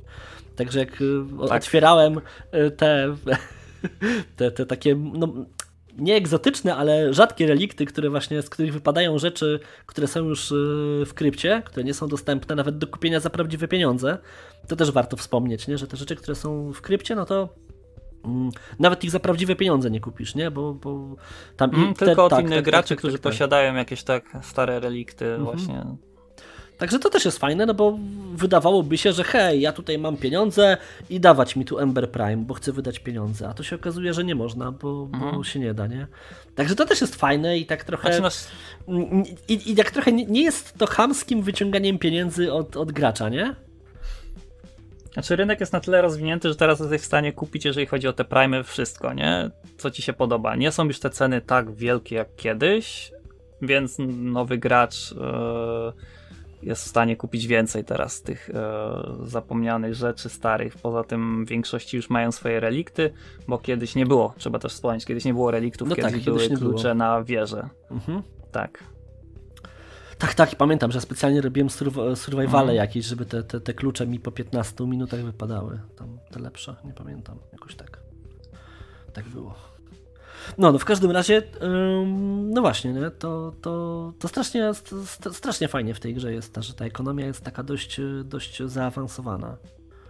I mówię, no można nawet grać y, i, i bogacić się y, robiąc platynę, po prostu tylko i wyłącznie tradując, a nie farmiąc tym, czy nie grając, nie? Także tak. ta, ta ilość, jak, ilość jak sposobów. Mhm. Znaczy możesz, dokończ, dokończ. Nie, nie, chodziło mi o to, że po prostu ta, ta, ta wielość sposobów hmm. grania w tą grę jest tak ogromna, że, że właściwie nie znajdzie się osoba, której coś by, yy, no zawsze komuś coś przypasuje, no. Bo nawet tak jak de facto nie lubisz grać i, i nie lubisz farmić, nie, lubić, nie lubisz grindować, nudzi cię bieganie tym kosmicznym ninją, to cholera, możesz pobawić się w zwyczajnego tradera, kurde, i, i, i sobie tradować jak kurczę na giełdzie. No autentyk, no hej. Tylko Master Rank Tak, drugi mieć swoje no. ceny, tak. No. I tylko mieć kupować, ceny sprzedawać. I tak. ceny, bo to I, i... nie jest to powiedziane, że trzeba dać tą najniższą cenę na rynku, żeby coś sprzedać, bo ja zawsze daję na przykład taką cenę, która jest dużo większa, no tylko, że ja mam czas, ja sobie mogę poczekać, niech sobie to poleży, kiedyś ktoś napisze, spoko sprzedam. Więc no, można dyktować swoje ceny. Jeżeli chodzi o Warframe Market, to one są ustalone, bo tam wszystko widać. Jeżeli chodzi o Trade Chat, to wiadomo, że znajdzie się gość, któremu sprzedacie powiedzmy kamień za 2000. On ten kamień kupi od was, bo, bo tak, a możecie powiedzmy przez długi czas każdy was wyśmieje, że o, chcesz to za tyle sprzedać nie ma opcji, nie? Więc no, ten trade chat w grze już tak jakby trzeba mieć szczęście i też e, trafić na tą odpowiednią osobę, która akurat to kupi. No tak, no ale... Wiadomo, że większość rzeczy też ma różne tak jakby w przypadku modów. Każdy ma tak jakby swoją wartość. Jeden da za coś 200, inny powie, że no więcej niż 50 ci nie dam. Jeżeli chodzi o rynek y, trade chat w grze. No tak, tak, ale dzięki temu na przykład łatwo można, można wiesz, masz ten taki kolejną dawkę emocji, bo możesz wyhaczyć y, jakąś fajną okazję, bo ktoś coś sprzedaje, Okazję, bo, potrzebuje, tak, tak. bo potrzebuje platyny, na z kolei coś innego. Więc mhm. też warto śledzić. Ja na przykład mam w grze, jak jestem tam na swoim, na swoim statku, to praktycznie trade chat mam cały czas odpalony, żeby a nuż coś wiesz. A nuż mi jakaś tam Ember Prime za 50 platyn wpadnie, albo coś, czego nie potrzebuję, ale jest tanio. No to niestety ja tak mam, że kupuję, bo, bo jest tanio. No, chociaż nie no, potrzebuję. Dlatego może też właśnie dużo graczy ucieka z polskiej wersji na angielską, bo tam jest po prostu większy dostęp do potencjalnych e, kupców, sprzedawców, nie? No tak, tak, tak, tak, tak. No, tam, mhm. tam ten, ten trade chat żyje i naprawdę jest fajny. Zresztą, kurde, on wcale mówię, no, gdzieś tam czytałem, że gdzieś tam ten trade chat w grze jest toksyczny, to kurczę, tego nie zauważyłem. No to jest chyba, jest, mówię, nie wiem jak jest na PC, ale na PlayStation to to jest auto, autentycznie, kurde, tak bardzo nietoksyczne community, no. że ja jestem naprawdę zachwycony. Ja się tylko spotkałem parę razy z taką sytuacją, jak chciałem sprzedać za chyba 10 platyny Ignisa Wrejta. To mhm. były takie też mój, mój mid game w sumie wtedy chciałem sprzedać Ignisa w Rate'a i paru takich już, no jeżeli chodzi o MR, bo wiadomo MR nie jest wyznacznikiem jakiegoś zaawansowania w grze, to nie jest prawda, ale MR mieli hop, panowie większy ode mnie, no i zwyzywali mnie, że jakim prawem ja oszukuję ludzi i sprzedaję im coś, co było za darmo w grze no, tylko że ja to grindowałem sam dla mojego klanu, żeby mieć do tego dostęp. To raz, dwa. Zadałem im proste pytanie, czy oni coś sprzedają na rynku. Powiedzieli, że tak. Ja się ich zapytałem, jakim prawem? Przecież to jest za darmo w grze. Zostałem zablokowany i nie dostałem odpowiedzi. No, no to widzisz. Także nie? mówię, jeżeli ktoś potrafi, to nawet ten kamień sprzeda. Tak, tak, nie? tak, tak, tak, tak. Nie, no ale widzisz, no to jest, to jest jakby właśnie fajne, fajne w tej grze, nie? No dobra, to co? Możemy chyba przejść do następnego punktu. Jeżeli jeszcze mhm. jesteśmy przy tym tradowaniu dobra, i o, tym o. rynku, to mhm. uczulam nie kupować e, platyny, rzeczy za realne pieniądze, ponieważ e, regulamin tego zabrania. Mogą, mogą potem być różne konsekwencje, tak samo jak z platyną z innych źródeł niż e, strona właśnie Warframe'a główna. Bo potem są naprawdę, dużo widzów też e, przychodziło do mnie z pytaniami, co mają zrobić, bo mają platynę na minusie i no przykra sytuacja, nie? Dlatego albo tradeować item za platynę, platyna za item, no nie kupować za pieniądze od e, osób trzecich czy też innych stron, tylko właśnie z strony Warframe'a. Bo mhm. mogą potem, tak jak mówię, być takie nieprzyjemne sytuacje, a wiadomo, że Warframe za to nie odpowiada, no bo to nie była ich strona, ich dystrybucja, nie? No tak, tak, a właśnie, jak to wygląda? Czy to leci ban, czy po prostu zdejmują z konta i masz ujemny stan platyny? Eee, masz ujemny stan platyny, Aha. czyli nie możesz grać w grę do momentu, aż ten stan nie będzie przynajmniej zerowy. A, czyli musisz zapłacić. nie możesz grać, Tak, czyli nie możesz grać, nie dostaniesz też zniżki. Na, na PC zniżka jest za dzienne logowanie, można taką trafić, a skoro nie możesz grać, to nie masz, te, nie masz opcji tej zniżki, czyli jak ktoś ma powiedzmy minus tam, nie wiem, 1000-2000 platyny, no to takie 400 ponad złoty, jak nie więcej, no z portfela za darmo ucieka, nie? Jeżeli będziesz chciał odzyskać e, konto i wyjść. Wi wiadomo, tam można sprawy wyjaśnić e, z supportem, bo to nie są też e, takie sprawy zero-jedynkowe, że nie, koniec, musisz kupić i tyle. Jeżeli sprawa była jakaś taka bardziej zawiła, że to powiedzmy ta platyna dostała się od innego gracza czy coś, no to naprawdę da się takie rzeczy wyjaśnić. No a jeżeli to platyna była kupiona z stron trzecich, no to to już może być, wiadomo, ciężko, nie? Mhm, kumam. Ale widzisz, fajnie na przykład, że nie banują, tylko po prostu dają możliwość zapłacenia, żeby odzyskania tak. konta. To jest akurat mhm. fajne i to też jest taki sposób, bo mnie na przykład, powiem Ci, strasznie irytuje ten taki mm, model banowania graczy i o ile się banuje cheaterów na PC-tach, to, no to wiadomo, że nie mam jakiegoś y, problemu, nie? Że no, ktoś tam cheatuje, nie? Mhm. Używał to ma tam należało czy, Tak, no, należało się, ban leci i koniec, nie? Nie ma dyskusji. Ale na przykład no, zdarzają się takie rzeczy, że nie wiem, no, szczególnie na konsolach, gdzie nie ma tych cheatów, prawda? Ale ym, deweloperzy potrafią na przykład dać bana, że ym, na podstawie, y, że dzięki ich kurde y, błędowi da radę wyjść za mapę i z za mapy będąc y, niedostępnym, znaczy będąc e, nie do zabicia e, przez innych graczy można prowadzić ogień i tam strzelać, nie? Znaczy, to Wiesz. jest zależne, bo jeżeli coś takiego znalazłeś i raz ci się to zdarzyło, ok, ale jeżeli powiedzmy nadużywasz tego, no to już robisz to na własną odpowiedzialność. No tak, tak, ale widzisz, kurczę, no to jest jakby mega niesprawiedliwe, bo do, do, cholery, po to się płaci za grę 60 euro, żeby ile jest w takim Call of Duty map? 8? A dodatkowe są płatne, no więc chyba można dopracować, żeby się nie wypadało poza mapę. Hej, to jest 8 map, kurczę. Znaczy, no wiadomo, są, zdarzają się bugi w grach, ale no tego też masz powiedzmy support, jakieś tam fora w innych tych grach płatnych, nie no, ja... zgłosić na przykład coś takiego, nie? Ale takie nadużywanie jakichś bugów, exploitów to jest już właśnie w każdej grze na własną odpowiedzialność. Nie no, ja wiem, tylko że właśnie irytuje mnie banowanie za nadużywanie exploitów, no bo e, inaczej, e, za wykorzystywanie błędów w grze, no bo to do cholery deweloper powinien załatać to, a nie rozdawać bany i nie wprowadzać poprawki, kurczę, wiesz, tygodniami. To no hej, no, znaczy, no po wiesz, prostu. E, oni też nie wiedzą wszystkiego, tak brając trochę deweloperów, że oni nie są nieomylni, że ta gra jest idealna, wszystko. I ze strony też gracza, skoro znalazłeś buga i chcesz, żeby był naprawiony, to to zgłaszasz i wtedy pewnie taki bug będzie szybko naprawiony. Ja to znam ze swojego przykładu w Warframe'ie gdzie był bug z e, właśnie naprowadzaniem w misji Arkwinga Mhm. Ten e, znacznik się spawnował całkiem gdzie, gdzie indziej i uniemożliwiało to skończenie misji. Ja to zgłosiłem i zaraz e, na dniach to było poprawione i wszystko działało pięknie, ładnie. Dlatego no. No widzisz, stary, bo być może Digital Extremes po prostu traktuje graczy jak ludzi.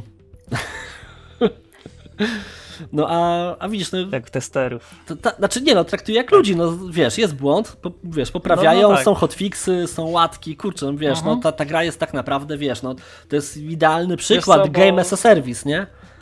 Może inaczej, e, płatne produkcje im powiedzmy zbanowanie jakiegoś gracza może jest na rękę, nie wiem, nie jestem pewny, ale popatrz, taki gracz zbanowany kupi grę jeszcze raz, to jest dodatkowy pieniądz. Z, z, znam ludzi, którzy w CS-ie mają po 25 kont zbanowanych i kupują te, kupu, kupowali tą grę dalej, wiesz, jak, jak nie była free to play, żeby cheatować dalej i dostawać kolejne bany. No i wiadomo, pieniądz się kręci. Nie no, w sumie tak. Jeżeli no. chodzi o te płatne produkcje, nie? No, no w sumie masz rację, no tak, tak. No to jeszcze właśnie, no, tu masz zupełnie inny, inny pogląd, inny, inny wgląd jakby, no bo grasz na PC, nie? A tutaj na, na, na mhm. PlayStation to też jest trochę inaczej, nie? No bo dostajesz pana na konsolę tak naprawdę, na konto. Tak, to może bardziej boleć. No, nie? to bardziej boli, nie? Z tym, że mówię, no ja wiem, wiesz, no ja, to... tak, tak, to ja cię chcę, od razu chcę ustalić, nie? Że ja nie jestem fanem e, wykorzystywania exploitów, czy wykorzystywania banów, e, czy wykorzystywania tych bugów w grze, nie? Ale takie, wiesz, no takie rozdawanie banów za tak naprawdę winę, winę dewelopera, no bo mówię, no takie ewidentne rzeczy jak wypadanie za mapę i, i bycie nieśmiertelnym, no, no sorry, no to, to no kurczę, no po coś to QA jest, kurde, znaczy albo, albo ono, ono jest fikcją, nie? Też prawda. No ale po coś jednak ta jakość, no...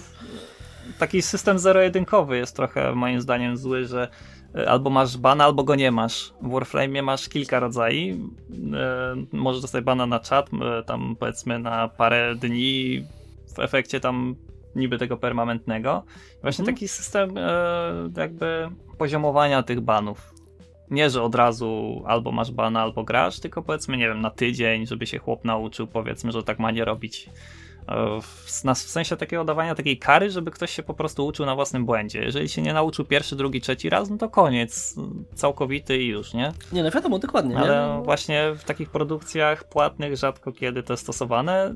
Ja się raz spotkałem z czymś takim fajnym w Call of Duty Black Opsie, że pierwsza opcja to była, że ci e, powiedzmy, mm, jeżeli eksploitowałeś, to ci wyzerują konto, powiedzmy, że tam wszystkie bronie, wszystkie levele stracisz, ale nie masz bana. Mhm. E, też się spotkałem z takimi opis e, opisami na forum, że jeżeli nielegalnie pobrałeś e, mapki z DLC i na nich grałeś, powiedzmy podstawkę masz oryginalną i mapki pobierzesz tam nielegalnie, to mhm. dostajesz bana, ale masz opcję wykupienia tego bana, jeżeli kupisz te dodatki, które tam powiedzmy pobrałeś nielegalnie i wgrałeś. O, to jest Przynajmniej fajne. tak było z Call of Duty na Steamie. A no widzisz, to, to mi się podoba już, bo, bo jest jakby systemowe rozwiązanie problemu, nie? Mhm. No ludzie mają... Jeżeli gracz tak. naprawdę chce grać, no to kupi, wiadomo... Nie no, dokładnie, nie? No, albo ma bana, albo, albo mhm. może to jakoś naprawić, nie? Więc to akurat jest spoko rozwiązanie, bardzo mi się podoba. Nie, no to widzisz. No ale widzisz, no tutaj jeszcze raz podkreślę, w, w ogóle w Warframe nie ma, nie, ma, nie ma toksyczności wobec graczy, wobec no, w społeczności graczy, a przynajmniej ja nie zauważyłem na konsoli. Także tutaj jest plus. No, na PC, na, na konsoli możliwe tak, na PC to już wiadomo, na PC każdy powiedzmy ma po 3-4 konta, jest czter, czterema różnymi osobami, więc jak tam kogoś e, powiedzmy obraża, to no, może na PC gracze czują się bardziej bezkarni, bo mają tak jakby łatwiej, żeby zrobić nowe konto i być tą nową osobą. Znaczy wiadomo, tam deweloper dalej wie, że to jest ten sam, tylko nowe konto, bo są logi, są e, pliki, wszystko. No tak, wiadomo, Ale, że to no, można. Może tak. na konsoli, jak dostajesz, wiadomo, nie kupisz nowej konsoli. No tak, no to już. Żeby, uh-huh. No to może bardziej pod tym e, kątem to już bardziej boli może ci gracze są tacy bardziej ogarnięci niż na komputerze. No ale kurde, widzisz, no na przykład, e, nie wiem, no bodaj na, na czacie, nie? Czy, czy to tym pisanym, mhm. czy jak się czasami rozmawia z kimś w grze, no to w Call of Duty, no to zdarza się nawet na konsoli, że ludzie tam sobie wyklinają i, i, i obrażają się.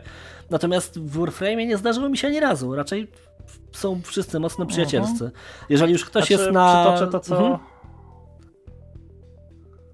no, mów, mów. No, no. Bo chciałem przytoczyć to, co e, wcześniej jak mówiliśmy, bo w Warframe nie masz żadnych statystyk, a w takich grach jak Call of Duty grasz o tą rangę, o pozycję w tabeli, więc no, jak się pojawia współzawodnictwo, to nieważne, że ty jesteś z pięcioma e, innymi graczami w teamie, tak naprawdę grasz ty sam przeciwko innym, bo musisz być pierwszy, nie? No tak, Pojawia tak, się tak, ten tak. system rankingowy, współzawodnictwo i może dlatego też ludzie są toksyczni, bo no, się starają po prostu. Nie, no to być może, wiesz, no już w ogóle jak, jak dochodzą jeszcze mecze rankingowe, nie, to, to w takim Overwatchu tak, to, już, tak. to już, wiesz, są większe kłótnie we własnej drużynie, bo ktoś tam wybrał nie tego, co trzeba tam postać, nie, nie tą klasę i tam są afery wiecznie i no nie wiem, społeczność dla mnie Overwatcha jest strasznie, strasznie toksyczna właśnie, natomiast w Warframe tego nie ma. Znaczy I... to chyba w każdej tak, że jest rankingowej, CS, LoL, no, wiesz, nie, nie, nie, ma CS ani LoL na konsoli, więc tutaj tego ci nie powiem. Ja nie grałem zupełnie. No, to, to, ja, to ja ci to gwarantuję, że tak jest. No, no to widzisz, być może, być może sam przez to. E, swojego mhm. czasu, sam swojego czasu właśnie przestałem grać w CS-a parę lat temu właśnie przez to, że i to e, ludzie byli toksyczni i sam zauważyłem po sobie, że też rodzina mi zwraca uwagę, że jestem bardzo właśnie toksyczny, że tam wyklinam do komputera w nocy czy coś, nie? I przez to właśnie rzuciłem parę lat temu CS-a i przestałem grać. No. No zresztą, kurde, no granie w CS-a chyba trochę jest takie, nie, nie wiem, znaczy, kurczę, widzisz, ja nigdy nie grałem, więc tym samym ciężko mi powiedzieć, ale to jest takie trochę jakby mhm. zjadanie własnego ogona, w sensie siedzisz w tym, w tej, w tej, w tej bańce CS-owej i nic y, nie ma poza tym, nie? Tak, nie wiem. Znaczy ja otwarcie zawsze mówię, że ja w CS-a gram dla pieniędzy bo mam z tego skiny, skiny mi dają pieniądze i tyle. Ok, jak ja bym miał za darmo naprawdę e, wystawiać się na e, takie nerwy, to nie, dlatego właśnie też między innymi nie grałem tak długo i też teraz nie gram regularnie w ogóle w tego CS-a. Czasami tam z znajomymi, z widzami pogram. No, no, kumam. Dobra, no to co, może przejdziemy dalej, yy, bo to taki właściwie już y, co nas trzyma przy Warframe, taki punkt. Dlaczego gramy ciągle w tego Warframe'a? Chociaż ja z przerwami. Ale ty, czemu ciągle grasz? Ja, może dlatego to jest dla mnie taki stały punkt w sumie mojego streama i tego, co robię przez ten cały czas. Ale to jest też fajna gra, przy której mogę e, grać z widzami. Przede wszystkim nie, że gram sam, tylko gram właśnie z nimi. Bo wiadomo, można grać w czterech. Kiedyś na rajdach nawet w 8 osób i właśnie ta kooperacja, ten kontakt z widzami właśnie poprzez tą grę, to i to, że też ta gra cały czas się rozwija, to, to myślę, że głównie to mnie trzyma przy tej grze. No widzisz, a mnie, a mnie trzyma, yy, znaczy poza tym, że ta gra się rozwija i chętnie zawsze sprawdzę, co jest, co, co jest w tej grze, to takim jakby podstawowym mechanizmem jest to, że ta gra jest free to play, czyli wiadomo, że dużo rzeczy jest do kupienia w tej grze i i absolutnie, ja wiem, że to jest irracjonalne. Ja wiem, że to jest mega, mega, mega cebulackie zachowanie, ale autentycznie jara mnie, że kurde, wyfarmiłem sobie coś, co kosztuje, nie wiem, tam 4 euro w przeliczeniu na platynę, nie? Że a mhm. kurde, wyfarmiłem sobie tego Warframe'a, on przecież kosztuje 200 platyn, hej, kurde, zarobiłem 8 euro. Patrzcie, kurde, grałem 20 godzin i mam Trafił, 8 tak. euro, bo nie muszę wydać, nie wiesz.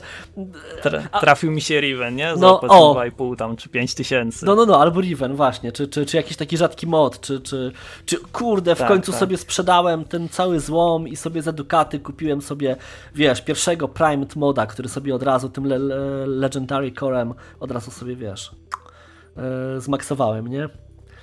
I, I, nie wiem, dla mnie to straszne, ponieważ mam to, to jest naprawdę irracjonalne, ale ja mam uczucie, że hej, kurde, wyfarmiłem coś, co kosztuje realne pieniądze i to nie takie małe, no bo ileś tam euro, nie? I to takie, taka ta wrodzona cebula, mhm. wiesz, y, wiesz, to, to, to tak to u mnie działa, naprawdę serio, wiesz, no to takie śmieszne jest, ale autentycznie to mnie pcha do tego, żeby wygrindować, nie? A nie, a nie, a, kupię sobie, bo co mi tam.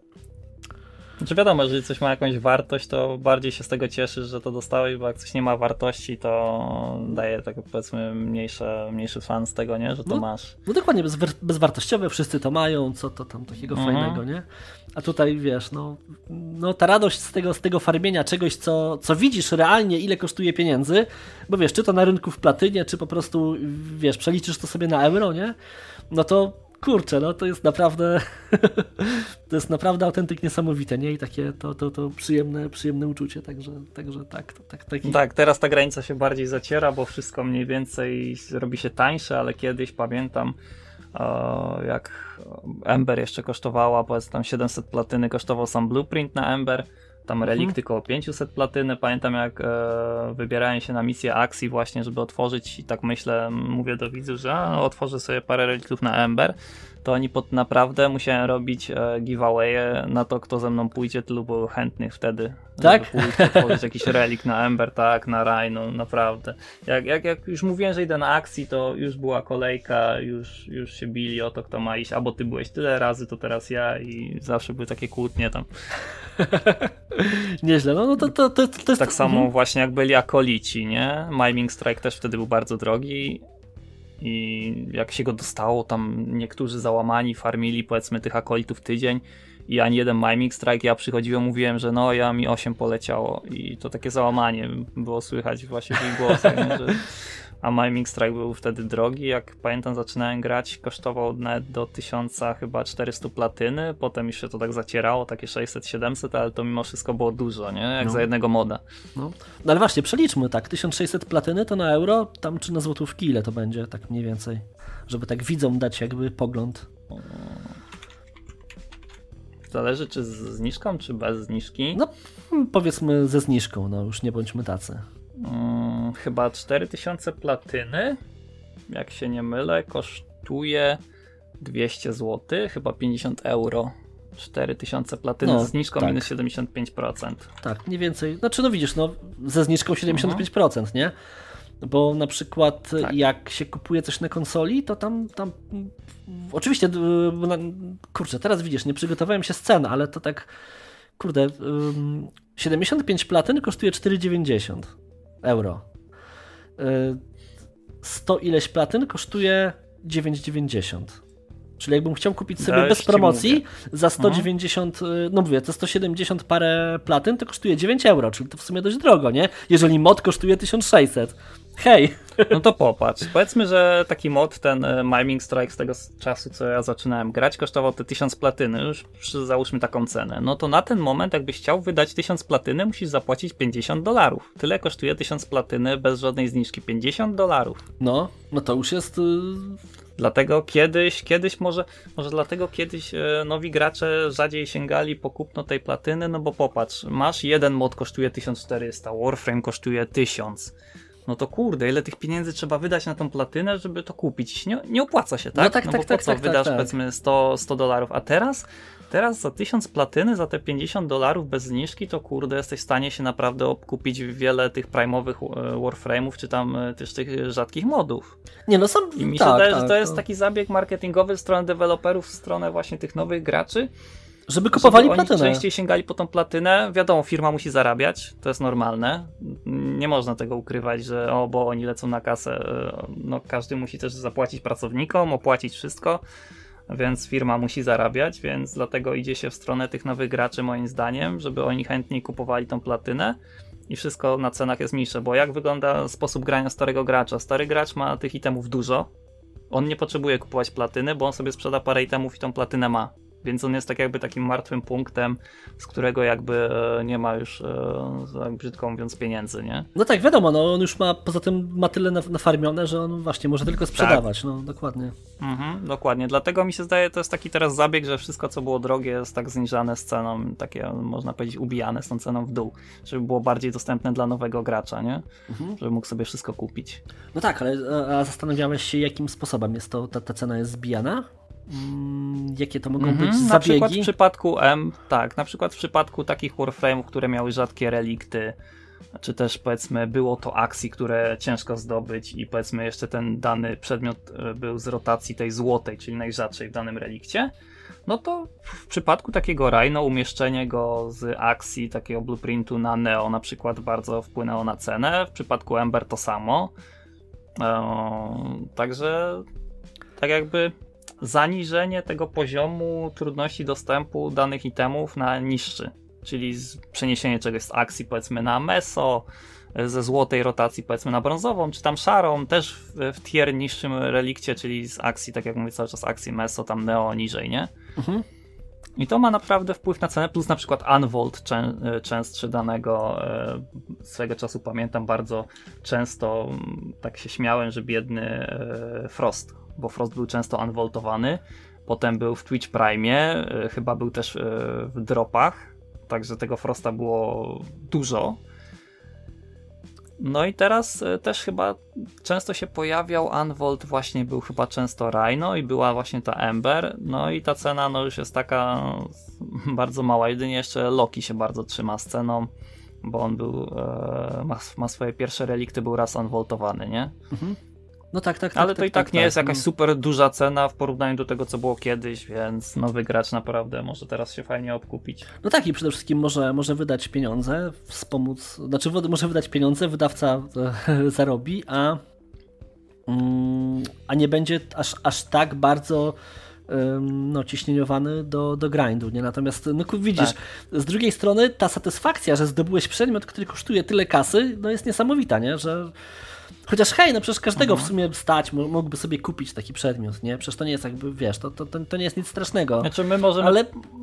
my patrzymy mhm. przez pryzmat złotówki naszej, tak? Bo my musimy sobie pomnożyć te tam powiedzmy 200 dolarów razy niecałe 4 i może dlatego jest to takie u nas, przynajmniej w Polsce, y, takie dotkliwe kupienie platyny, ale za granicą, z tego co ja wiem, jak ktoś ma euro, dolary, to oni to nawet kupują tą platynę czy coś, jakieś prime accessy bez problemu, tak o, bez zniżek. No widzisz, ja na przykład kupuję platynę w, w Warframe'ie, mm, właściwie zacząłem kupować y, tylko dlatego, że wiesz, grałem w tą grę miesiąc i tej platyny nawet nie potrzebowałem. Ale kupiłem, bo kurde, no takie, takie miałem wrażenie, hej, no gram w grę, która jest za darmo, no to już chociaż niech deweloperzy dostaną za platynę ode mnie, nie? I znaczy, inaczej, mhm. ja w ogóle jestem znany z tego, że ja uwielbiam wszelkiego typu mikrotransakcje, lootboxy i nie mam problemu z kupowaniem ich. To, to w ogóle, wiesz, jakby nie, nie, nie, e, nie, u, u mnie nie jest problemem ale no, tutaj sama ta chęć wsparcia dewelopera, że gra jest za darmo, jest tyle kontentu, który jest darmowe, nie ma przecież płatnych DLC, nie ma misji, które są dostępne tylko i wyłącznie za opłatą, nie? Tych wszystkich... Nie ma zmuszania tak, nie, nie ma do kupowania, nie... płacenia mhm. czegoś, bo inaczej nie wejdziesz no, i koniec. Nie ma zmuszania, dokładnie. I a, jeszcze wspomnijmy, bo tutaj wszyscy są przeciwnikami lootboxów i zawsze ze mną się kłócą, ale jak bardzo Digital Extremes było uczciwe, bo była jedna mechanika, prawda, jeżeli chodziło o, o kawata, o tego mm, kota. Znaczy nie jestem pewien, czy to był kawat, ale to było coś z futrem. Tak, tak, tak, tak, tak, z futrem kawata. zmienić pattern mhm. futra. Ale na losowy tak, i to działało to... jak lootbox. Tak, i ponoć ktoś kiedyś, tu na, na DevStreamie Sheldon bodajże o tym mówił, że no, ktoś wydał takie e, no, straszne sumy pieniędzy na to, że po prostu zrezygnowali z takich e, losowych mikro, mikrotransakcji w grze, nie? No właśnie, i to jest też y, chyba, chyba świadczy dużo o, o, o, o jakości tego dewelopera, nie? O, o, o, podejściu Digital Extremes do y, monetyzacji tej gry, nie? Ona nie jest chamska, nie jest nachalna, jest naprawdę, naprawdę przyjemna. Nie? To jest taka gra, w której, w której nie masz uczucia, że y, tylko wydawca liczy te pieniądze. Nie, nie blokuje ci postępu. Masz no. takie uczucie, że ty kupując coś, wydając pieniądze, ich wspierasz, a nie, że ty, o, ty dajesz te pieniądze sam z własnej woli, a nie, że oni po prostu, wiesz, sięgają i sami sobie je biorą, nie? Tak, dokładnie tak. Tym bardziej, że jak mówię, nie ma, nie ma, można grać w tę grę i tam, nie wiem, 4 lata i nie, nie wydać ani złotówki, nie? Tyle, że już tak trochę wtedy czujesz się jak taki nie freeloader, nie? Jak tak, tak, kurde, no grać tyle czasu i nie, nie wydać ani złotówki, no kurczę, głupio trochę, nie? I przynajmniej w, jeżeli chodzi o PC, jest fajna opcja, możesz płacić na przykład z portfela Steam. Czyli jeżeli ktoś na przykład gra w CS-a, sprzedaje skiny czy tam w Dotę, nie ma co zrobić z pieniędzmi z portfela Steam, bo ciężko je wypłacić bez tam stron trzecich i skinów i No tak, zabawy. tak, tak, tak, tak, faktycznie. Albo jak Może sobie po prostu przelewać to na grę, nie? W Warframe'ie. No. Czyli na przykład jeżeli ktoś ma karty uzbierane, to też może je sprzedać. Tak, tak, może je sprzedać, masz za to pieniądze w portfelu swoim Steamowym i za to możesz na przykład kupić sobie platynę, jak dostaniesz tam zniżkę, czy nawet bez zniżki. No, no to też jest fajne, nie? To wygodne. A, a, karty przecież wiesz, wpadają w innych grach, no nie? Już można farmić te karty tak. na Steamie, nie? No też, no. Też nawet kiedyś miałem projekt, żeby, żeby napisać taki sobie programik do farmienia tych kart, nie? Szczególnie z, z, z tych gier, które wymagają tylko odpalenia gry, nie?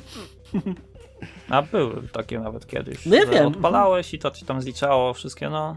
No, no, no. No dokładnie, nie? Masz Steama odpalonego, grę odpaloną i ci wpadają karty, nie? Tam co 20 minut. Dobra, ale to już mówię, to, to takie nieistotne, takie moje, moje, moje trochę zboczenie, jeżeli chodzi o robienie, robienie pieniędzy. tu PDK, wszyscy wiedzą o co chodzi. Dobra, porównajmy sobie Warframe i Destiny, chłopie, bo już mamy godzinę 27 na liczniku. A, a właśnie. Warframe a Destiny, no tak. to właśnie Warframe ma ten taki, bo Warframe nie zawsze było darmowe, teraz przeszło na model free to play. Mm, ale mimo wszystko tego przejścia na model free to play dali nam e, dwa DLC-ki za darmo, tak? Ale mimo wszystko tak jakby dalej zmusza, żeby kupić te dwa następne DLC-ki, mhm. które, są, które są nowe. Mało tego, mm, ten najnowszy, tak jakby w tym całym takiej paczce nie obejmował tego poprzedniego Forsaken. I no, mimo wszystko no, cena nie jest mała, bo Forsaken, z tego co pamiętam, chyba bez promocji kosztuje 100 zł, a ten uh, Shadow Keep też grubo coś ponad. Więc no, jak do gry free to play są to duże pieniądze, chociaż ja słyszałem swego czasu, jak jeszcze Destiny nie było darmowe, znajomy mi mówił, że on wydał na całe Destiny raz z dodatkami, z wszystkim ponad 800 zł, tyle go ta gra kosztowała, a teraz jest za darmo. No nie? ale dokładnie, e, ja sam pamiętam właśnie ten dodatek, e, mówię, te dwa pierwsze DLC-ki, wiesz, ja kupiłem Destiny 2 na premierę, no więc wydałem, wiesz, zapłaciłem premierową cenę, potem kupiłem dwa DLC-ki w cenie 19 euro w każdy i później właśnie miał być ten dodatek, nie wiem czy nie pamiętam, e, czy to był ten Forsaken, w każdym razie to, to chodziło o ten dodatek, co wchodził ten tryb Gambit. I tego już nie kupiłem, ale on kosztował O, to, to. chyba 70 euro na premierę. On był drogi. Naprawdę był drogi, więc jak ktoś ma, jak ktoś kupował wszystko na premierę, to naprawdę to, to faktycznie to, to, to, to mogło oscylować, nie? Tam 800 tysięcy No złotych. to teraz ci mogę powiedzieć. Forsaken 110 zł, Shadowkeep 150, bez żadnej promocji na Steamie, tak byś chciał sobie kupić. Czyli za No. same DLC-ki do gry free to play musisz zapłacić 260 zł. no to Gdzie tam tak, jeszcze no. powiedzmy jest tam Battle Pass w tej grze. Więc no, mimo wszystko jest takie bardziej wyciąganie tych pieniędzy, bo tak jak masz odcinany content, fabułę, No. co za tym idzie, Battle Passa też musiałbyś kupić, bo niektóre questy, zadania od NPC-ów wymagają od ciebie posiadania tego Battle Passa. Mhm. Też inne bronie, które chciałbyś zdobyć, czy też rajdy, czy coś, one wymagają DLC. Czyli niby free to play, ale no mimo wszystko musisz coś zapłacić, żeby cieszyć się w pełni e, grą, nie? No dokładnie, dlatego bardziej mi się, bardziej mi to odpowiada jak to Warframe y, zrobił, znaczy jak to w Warframe jest zrobione, że no mimo wszystko nie masz żadnego zablokowanego kontentu, nic. Dostajesz grę, grasz, natomiast pieniądze wydajesz na zupełnie coś innego i, a, i, i to w dodatku jest opcjonalne. Gra w żadnym wypadku nie, nie blokuje ci jakiegokolwiek postępu, ym, żeby, żebyś zapłacił. Nie zmusza cię do zapłacenia, nie? Więc to jest akurat Tak. No w, w, ogóle widzisz, no ja akurat y, Destiny to, to szanuję za fabułę i za grafikę, bo grafika jest naprawdę, naprawdę rewelacyjna. Ja mówię, nawet, nawet sam artystyczny projekt, wiesz, tutaj nie, mówiąc o grafice, nie chodzi mi tutaj o, o, o wiesz, o, o te mityczne y, ileś tam, wiesz, rozdzielczość, ile to ma K, ile... Mhm. Tak, tak, ale Tam HDR-y otoczka, tak, tak, tak, tak, tak. e, Wizualna, fabularna, bardzo ładnie to wygląda. Te mapy, one są w większości otwarte. Tak, też Także no. lore jest stosunkowo ciekawy też Destiny, nie? Więc to tak... Wszystko jest fajne, Mhm. ale jak odpalisz Warframe, no to widzisz, jakie Destiny jest kulawe. Widzisz, jakie to Destiny jest... y, Kurczę, no... Jakie jest tak naprawdę biedne. No bo porównaj sobie ilość y, y, kontentu w Destiny, nie?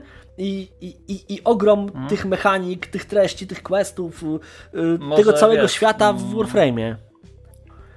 Destiny może jest dlatego jeszcze ograniczone z tego względu, że to nie była od początku gra free to play. To był No nie było, no tak. produkt, e, który miał być kupiony, czyli e, założenie kupujesz już gotowy produkt i koniec. A Warframe można powiedzieć nie jest gotowym produktem, on jest cały czas rozwijanym produktem.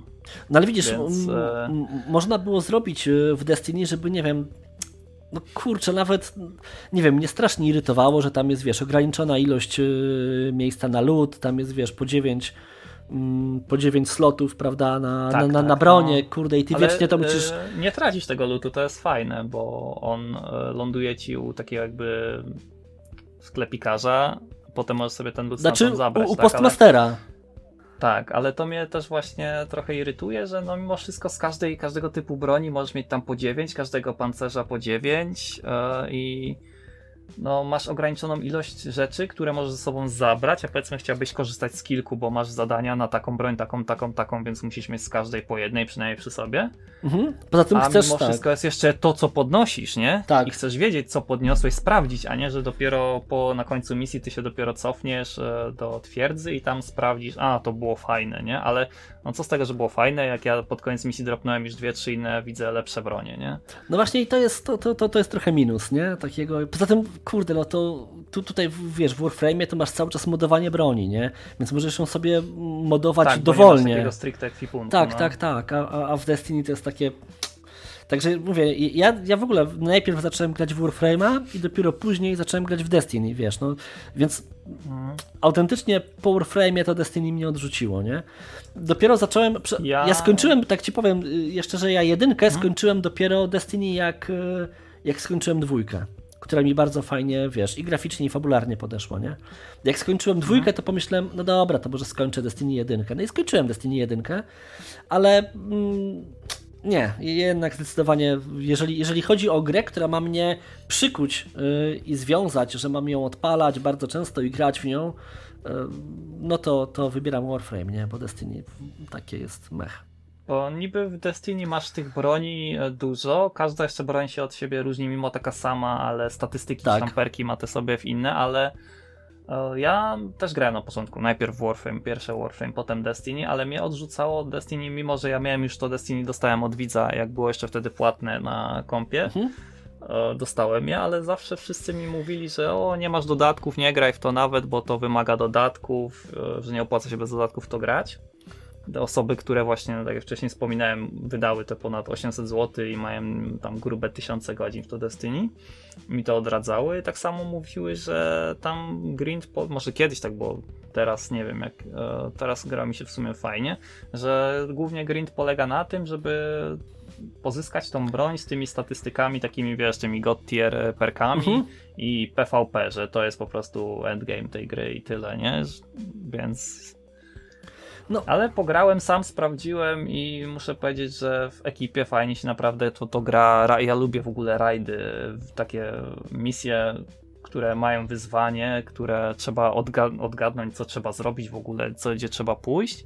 Takie rzeczy mi się bardzo podobają i Destiny rajdy są naprawdę super zrobione. No to PvP mnie nie przykuło, ale niby w tym Destiny jest więcej broni, ale tak naprawdę w Warframe czuję, że mam większy wybór. Mhm. No dokładnie tak. No widzisz, mi akurat kompletnie no niestety rajdy w Destiny mi się nie podobają. Dla mnie są za trudne.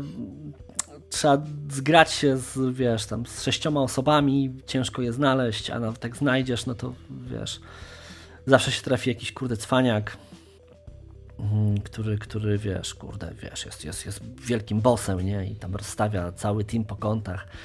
Nie wiem, jakoś kurde to, to, to, to te rajdy, to czy, znaczy kurde, czy rajdy w Destiny, czy, czy, czy rajdy teraz w tym, w The Division 2, no to są kompletnie, kompletnie nie dla mnie, nie? Jakoś tak to to zupełnie ja się... lubiłem takie, A no widzisz, rzeczy, takie no. wyzwania, coś trudnego. To się od Call of Duty już ciągnie, tam Dark Souls, Call of Duty, ale właśnie takie rzeczy mi się podobają, że trzeba coś odkryć, jakaś zagadka i jest to trudne. No widzisz, a ja, wymaga kooperacji. No widzisz, a ja z kolei Dark Soulsy uwielbiam, w ogóle wszystkie, y, w ogóle uwielbiam y, całą tą, wiesz, y, nową gałąź gier Souls-like'i, e, a już gry od, od From Software, czy to Bloodborne, czy Dark Souls, e, uwielbiam, ale paradoksalnie, i to jest kurde paradoks, uwielbiam Dark Soulsy, dlatego że tak naprawdę ja, ja, ja, jestem słaby w gry. Słaby jestem w granie. W granie. I, I przez to, że Dark Soulsy są trudne, ale sprawiedliwe, to naprawdę jest to. Mm, nie wiem, jest to, jest to dla mnie fajne i satysfakcjonujące, nie? Albo sam fakt, że jeżeli zatnę się na jakimś tam bosie e, w Soulsach, to mogę sobie trochę podlewelować się, po prostu przechodząc sobie poprzednio odwiedzone lokacje, i no i później już dalej idę dalej, nie? Bo już jestem nieco mocniejszy. Albo nauczyłem się, albo... to... No dla mnie Dark Soulsy są mega sprawiedliwe. To jest, to jest dla, dla mnie to jest, wiesz, kwintesencja stero... Znaczy, no dla kogoś, kto jest takim, znaczy to jest fajne, że ja zatraciłem w niektórych częściach Dark Soulsów właśnie ten fan, że jak jesteś, to tak samo nawet jest z ludźmi, którzy grają w tego CS-a, w tego LoLa, że zawsze póki coś jest dla ciebie nowe, coś odkrywasz, czerpiesz z tego taki super fan, nie? Bo coś jest nowe, to, dopiero poznajesz. Ale jak mhm. już jesteś, można powiedzieć, takim masterem w daną grę, wiesz wszystko, znasz wszystkie błędy, niedociągnięcia, to już tak jakby tracisz, no wiadomo, już nigdy nie powrócisz do tego początku cieszenia się grą, jak ona była dla ciebie nowa, nie? Tym bardziej jak wiesz już o niej wszystko i znasz y, tam triki, sztuczki, bugi, mhm. No i to tak samo było w Dark Soulsach. E, na przykład ty, twoja broń nie przejdzie przez ścianę, tylko się odbije przeciwnika jak najbardziej przejdzie, przejdzie przez ścianę, tak. Twój hitbox kończy się z końcem twojej broni, hitbox przeciwnika e, kończy się dwa razy dalej niż jego broń. No tak, no ale to. Tak, tak. No widzisz, ale tego można się jakby nauczyć, nie? W sensie, kurczę, no, ja nie odbieram mhm. tego jako niesprawiedliwość. O, może tak. Um, bardziej, bardziej denerwuje mnie w innych grach, że muszę, wiesz, zmagać się ze sterowaniem. Ja w ogóle jestem zboczony na punkcie sterowania, a w Soulsach to jest takie wszystko przyjemne i responsywne. No akurat to, to lubię. I no mówię, ta gra nagradza, Soulsy nagradzają mnie za zaangażowanie, a czasami inne gry kompletnie tego nie robią. O, może tak. Dlatego lubię. Masz satysfakcję, że pokonałeś bossa tam powiedzmy za setnym razem, nie? Ale w końcu ci się udało. No widzisz, z drugiej strony, kurczę, no to jest też trochę tak, że y, Soulsy strasznie każą cię za chciwość, nie? Ale jeżeli bossa nawet trudnego robisz na spokojnie, mm, bez nerwów, to, to, to da się wszystko przejść. Da się nauczyć. Widzisz, no ja tak na, naprawdę. tam- Widzisz, no na początku to był, wiesz, dla mnie, nie wiem, Czarny Rycerz pierwszy to był nie do przejścia, nie? Taki, ten pierwszy, pierwszy tam, wiesz, od razu, znaczy, no, w tym mieście, a- a- Antedberg, nie? W sensie, tym mieście zmarłych, to taki jakby... A, przed bossem. Tak, przed bossem, dokładnie, tak, no. tak, tak, tak, tak. To on był dla mnie nie do przejścia, ale później, wiesz, nauczyłem się go po prostu, wiesz, yy, jednym, inaczej, cios, yy, dwa razy rolka, nie, żeby odskoczyć, Tak, nie nie gridować się, Tak. że ten jeszcze jeden autoataczek, tylko na spokojnie. na spokojnie. Tak. I tak, tak, naprawdę, mam czas, tak, no. tak, jeżeli, jeżeli wiesz, ten taki twój stan świadomości osiągnie to, że ty na spokojnie walczysz z tym, wiesz, bossem 10 razy większym od ciebie, ale, ale właśnie, spokojnie, jeden cios, odskok, przejście, odnowienie staminy, znowu cios, odskok, no to tak naprawdę to pokonanie tego bossa robi się mechanicznie już, nie? Ale to też trzeba się nie emocjonować, nie rzucać tym padem. O dziwo właśnie Stolcy są taką grą, kiedy ja wyjątkowo nie kurwię przy grze. Tak może właśnie ten fenomen Soulsów u mnie jest, także ja nie, ja nie wyklinam przy Soulsach, nie denerwuję się, nie rzucam padem, bo właśnie Soulsy są dla mnie, nie wiem, idealne. Ale to mówię, kwestia, kwestia podejścia. Mhm. Dobra, słuchaj, bo jeszcze takie mam pytanko, czy grałeś w Dark Sector? Bo ja nie grałem. Bo Dark, dużo później po Warframe'ie. bo Dark Sector to jest jakby... Tylko, że Mhm. już od, odrzuciło mnie tak jakby ten stary silnik, te błędy, które ja już widziałem, które były po prostu, no kiedyś to było normalne, kiedyś tak fajnie gra wyglądała, ale teraz to już po prostu to widzisz i no cię odrzuca. Bo przypomnijmy, Ale poczekaj, jeżeli bo chodzi- przypomnijmy słuchaczom, że tak naprawdę bardzo dużo asetów, czy bardzo dużo projektu y, broni, znaczy projektów i broni i, i, i, i, wrogów, Postaci właśnie tak, też. postaci jest y, y, w Warframe z Dark Sectora, z tej wcześniejszej gry Digital Extremes, nie? Więc Mhm. y, Glaive głównej postaci, No tak. skin e, Glaive'a głównej postaci, e, właśnie Nyx bodajże jako główny przeciwnik chyba z tego co pamiętam. Także no jest, jest bardzo dużo. Można by powiedzieć, że to jest taki Warframe, tylko że on chyba to był TPS, jeżeli dobrze pamiętam. tak. Że trzyosobowa strzelanka, tak. Można powiedzieć, że to jest taki właśnie początek jakby Warframe'a. Ale właśnie fajnie, fajnie, że, że, że pociągnęli to, nie? Tam są oczywiście teorie... Jakby wyszedł remaster, grałbym. No, jakby wyszedł remaster, też bym grał, pewnie. Ja w ogóle, wiesz, lubię remastery starszych gier, także wiesz. A jakby wyszedł remake, to w ogóle grałbym już po trzykroć. także tak. Dobra. Mamy bardzo kontrowersyjny temat główny podcastu. To już może będziemy tak na sam koniec, ponieważ tak sobie takie miałem przemyślenia. Z tym, że część graczy może poczuć się obrażona, ale sorry. Co jest nie tak z graczami? Dlaczego generalnie narzekają wiecznie, że jest im źle w życiu, nie? że są biedni, że nie mają pieniędzy, że coś tam, że coś tam, że w ogóle wszystkich obwiniają, nie? Od, od rządu, skończywszy na, na, na, na wszyscy, wszyscy są źli, tylko oni są oczywiście dobrzy, nie? Ale tak, w Warframe potrafią godzinami pra pracować nad tym, żeby y, zdobywać czy to itemki, czy, czy, czy budować klan z kolegami, czy z przyjaciółmi, czy budować ten klan nawet z randomami na przykład. Y, a w życiu w ogóle jakby to się nie... Przecież jakby ci ludzie tyle, tyle tego zaangażowania, co, co mm, wkładają w gry komputerowe, przełożyli na bodaj zwykłe zarabianie pieniędzy, z tym, że ja nie mówię tutaj w, w jaki sposób mają zarabiać, nie?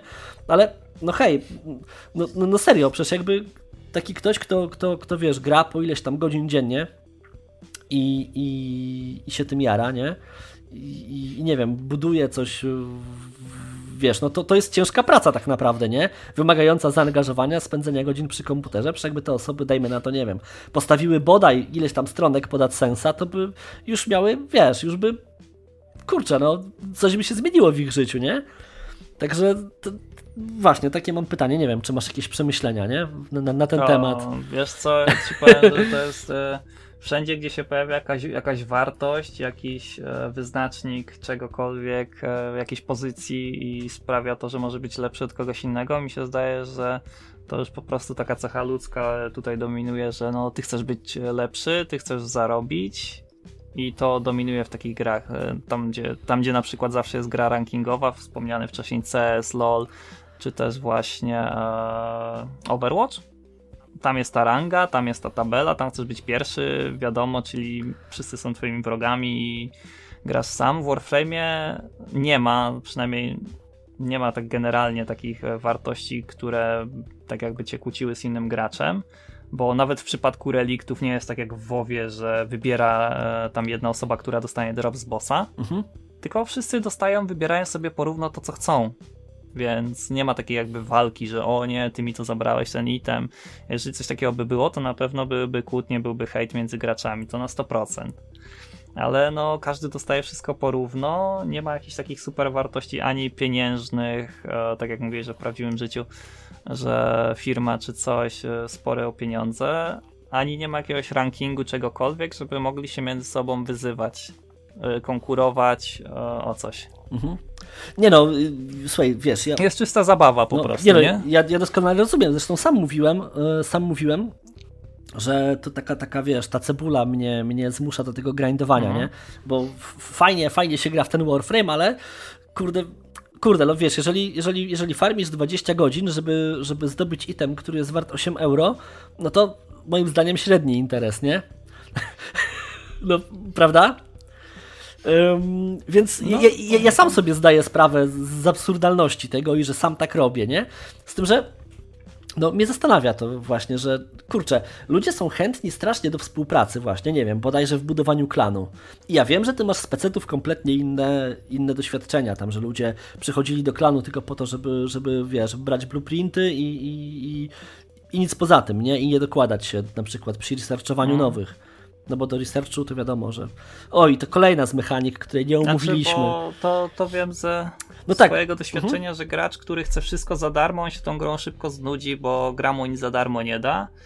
E, ludzi takich, którzy mu dadzą dosłownie wszystko za darmo, też jest mało. Ja sam e, staram się e, moich widzów uczyć tego, że ktoś się mnie pyta, zrobisz mi tą misję, mówię, ja ci mogę powiedzieć, jak zrobić tą misję, pomóc zrobić ci tą misję, ale jej nie zrobię za ciebie bo taka osoba się przyzwyczai i potem przyjdzie do takiego momentu, że będzie musiała zrobić coś sama, będzie z tą grą sama, nikt jej nie zrobi tego e, za nią i ta gra stanie się albo za trudna, albo za nudna, bo już ktoś tego nie zrobi za nią, a póki jest wyzwanie, przynajmniej w moim przypadku, to to jakby tak motywuje, nie? że jest wyzwanie. Dlatego jeżeli komuś się nie chce czegoś robić, no to taka osoba się szybko znudzi.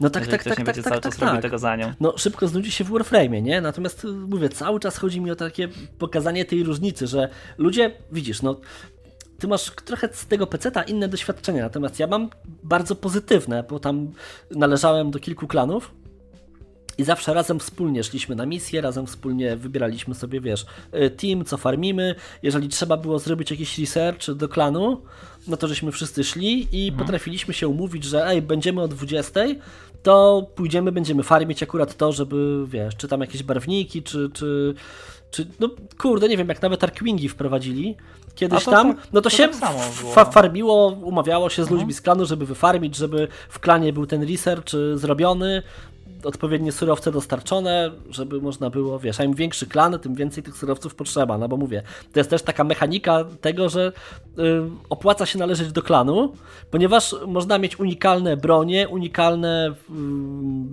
kurcze, o, bardzo dużo tak, tego, tak, no, tak, tak, tak, tak, tak. Nie wiem, czy więcej niż połowa tego nie będzie. Tych wszystkich broni z klanu mhm. właśnie. Ale to nawet nie, przecież tam są jeszcze i, i, i Spektery chyba, znaczy te i kurczę, Warframe'y, no, też. przecież tego jest tam od cholery, nie? Mm, do tego dochodzą te Solar Railsy, sojusze między klanami, wiesz, i z tego się robi, no właśnie, to jest też, to, to pokazuje jak ogromna jest ta gra, nie? Ale właśnie, chodzi o to, że, że mhm. ludzie potrafią się, nie wiem, w kilka osób zgrać w klanie i, i i robić coś, ale jakby mieli coś zrobić w życiu, to zaraz by się pożarli albo o pieniądze, albo, albo nie chcieliby tego robić, albo w ogóle by się pokłócili, mhm. wiesz, to taki... Tak, ten, taki... Ten, ten, by powiedział, że on zrobił więcej, to on chce więcej, Tak, tak, dokładnie, robił, do, tak. dokładnie tak, nie?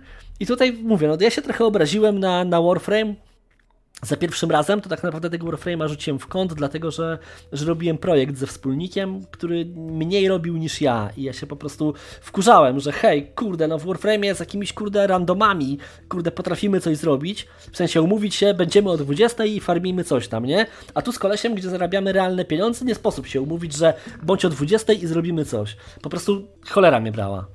I dlatego tak, tak, tak, kurde, wiesz, tak się obraziłem na Warframe'a na rok kurde, rzuciłem to w kąt, bo kurde, no dla mnie to było nie do, nie do pomyślenia, nie? Taka, wiesz, śmieszna historyjka. Ale, ale serio, nie? Więc w grach można, ludzie potrafią współpracować pięknie. Jak już mówiłem. Nawet tak, nie są no toksyczni. Tak samo kiedyś... a, a w życiu jakoś im nie wychodzi, nie? No ja tak samo kiedyś, bo Warframe to nie zawsze był, była moja główna gra. Kiedyś to był Dark Souls, jeszcze wcześniej Call of Duty. Mhm. I w Dark Soulsie również potrafiliśmy się zgrywać, tworzyć areny, że powiedzmy ja hostowałem, trzymałem dany tam obszar mapy i przyzywałem moich widzów e, i powiedzmy też oni się pojedynkowali albo między sobą, albo całkiem z randomowymi innymi graczami. I nawet ci randomowi gracze, czy wiadomo, zawsze się tam znajdzie jakaś czarna owca, która nie będzie chciała się bawić według reguł e, zasad, ale większość nawet randomowych graczy, którzy nie wiedzieli o co chodzi, zauważali, że o, tu jest arena, że nie bijemy się wszyscy na hosta, tylko powiedzmy, ja tam zawsze pokazywałem emotką w Dark Soulsach, że tu arena i przeciwnik stał po drugiej stronie, oni się bili między sobą. Mhm. Jeden versus jeden, a po prostu była ta kultura, nie? W tych Dark Soulsach między sobą i ta współpraca. Czasami się jacyś zdarzali, ale to zaraz wszyscy się na, nie, na takiego właśnie delikwenta rzucali i był pokonywany i cześć z, ho, z hosta, nie? Ale w większości gracze zachowywali się naprawdę spoko w tych Dark Soulsach. No, no właśnie, właśnie, nie? Także to jest taki fenomen, nie? Że gracze w grach le lepiej się zachowują niż w życiu niekiedy. Tak coś mi się wydaje czy nie wiem, kurczę, nawet głupia rzecz, jak gram czasami z jakimiś ludźmi i gramy długo, yy, to, czy to Warframe, czy inna gra, ale w Warframe też to widać, nie? że na przykład jesteśmy w teamie z jakimś tam randomem, no i gramy sobie dwie godziny, tam robimy różne misje, farmimy sobie coś razem i zawsze hej, cześć, jak się żegnamy, to dzięki za grę, wiesz, tak jest to strasznie przyjemne, nie? Mm, na PC też jest coś takiego, że zawsze po tradzie, tam wymianie czy coś, mhm. albo jakiejś dłuższej misji gracze tam piszą, że dzięki za rana, coś tego, ale na PC często, przynajmniej od widzów słyszę, że narzek sam też czasami zauważam, tak gram sam, że ludzie wychodzą, powiedzmy jak jest misja typu Endless, że możesz y, ją grać bez końca, tak jak długo wytrzymasz, mhm. wychodzą powiedzmy po jednym relikcie, nie? To niektórych to wkurza, bo ktoś powiedzmy idzie sobie na misję, żeby posiedzieć dłużej, a niektórzy wychodzą od razu. Powiedzmy, jeden relikt otworzą i cześć wychodzą.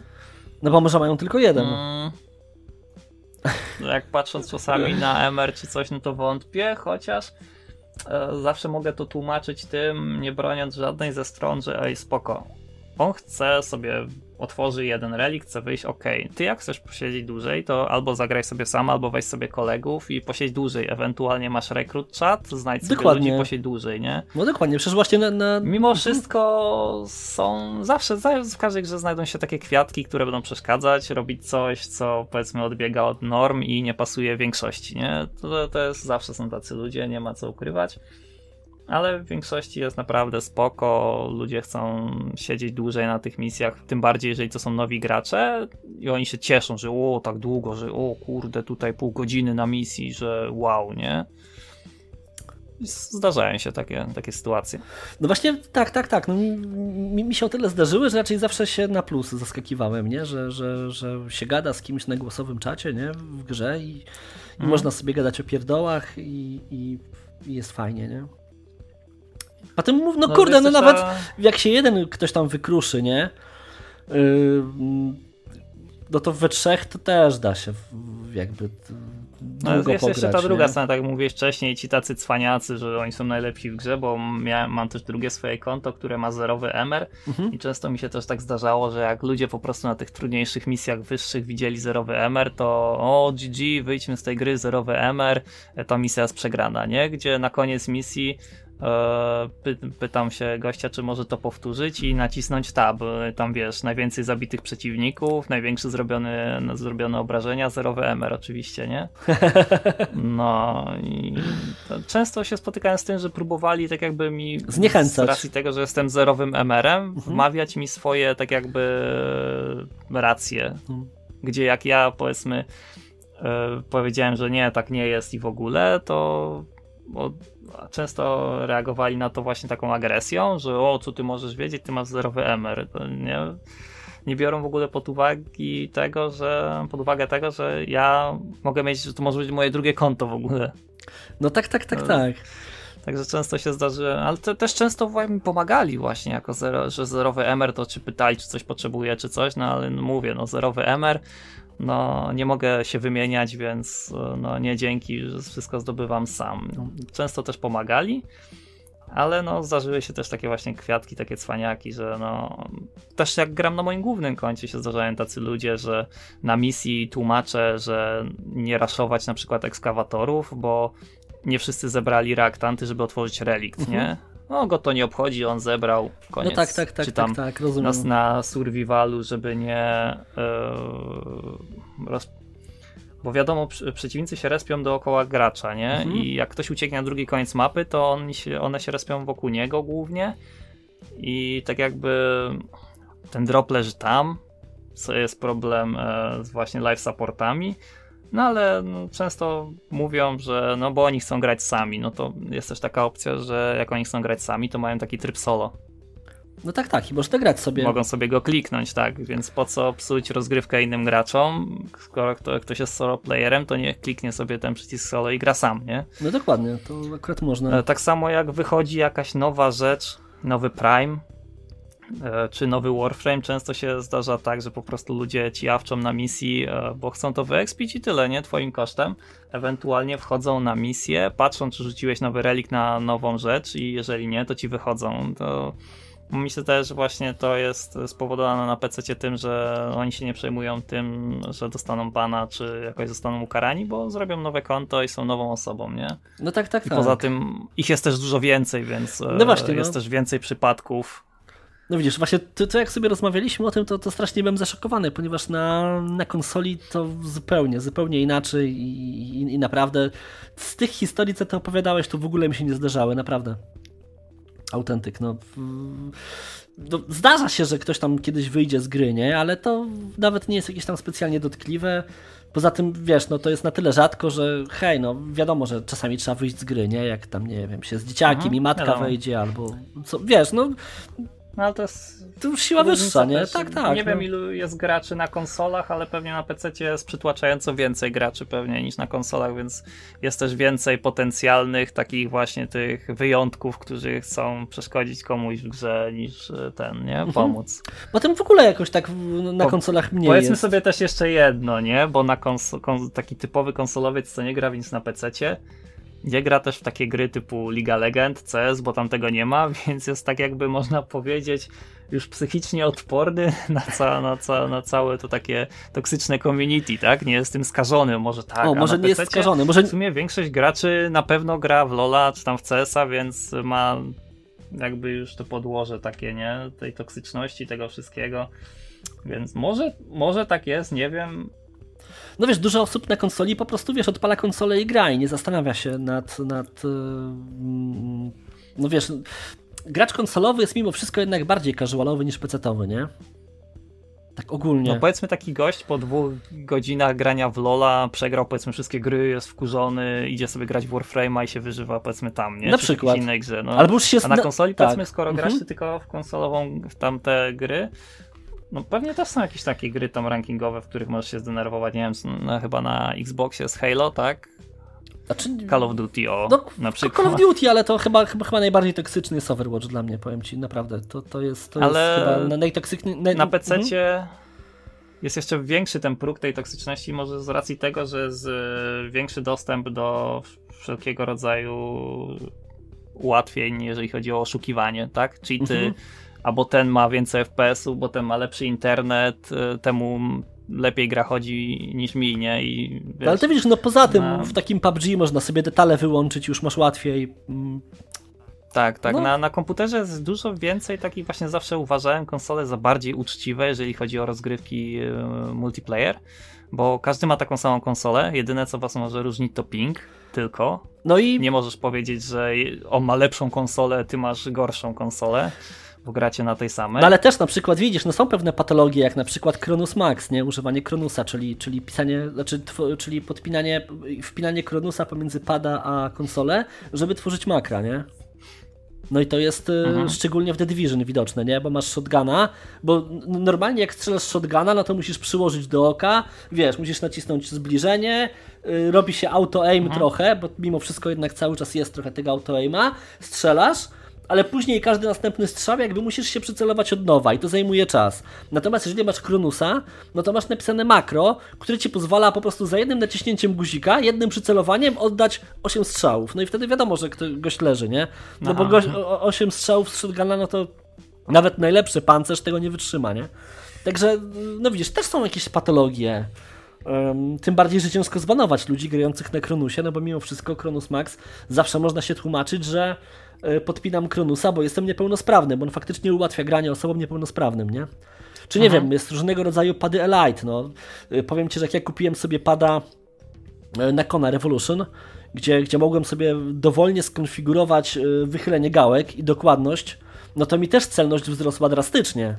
Przez samą tylko konfigurację, wiesz, wychylenia gałki pod siebie, czyli ten sektor, mhm. wiesz, bo tam są jakby trzy sektory wychylenia tej gałki od celowania, po pierwsze one są wyżej, więc automatycznie y, ten ruch kciuka jest większy, więc automatycznie jesteś dokładniejszy, a do tego jeszcze możesz sobie, wiesz, to, to czułość tego ustawić, nie?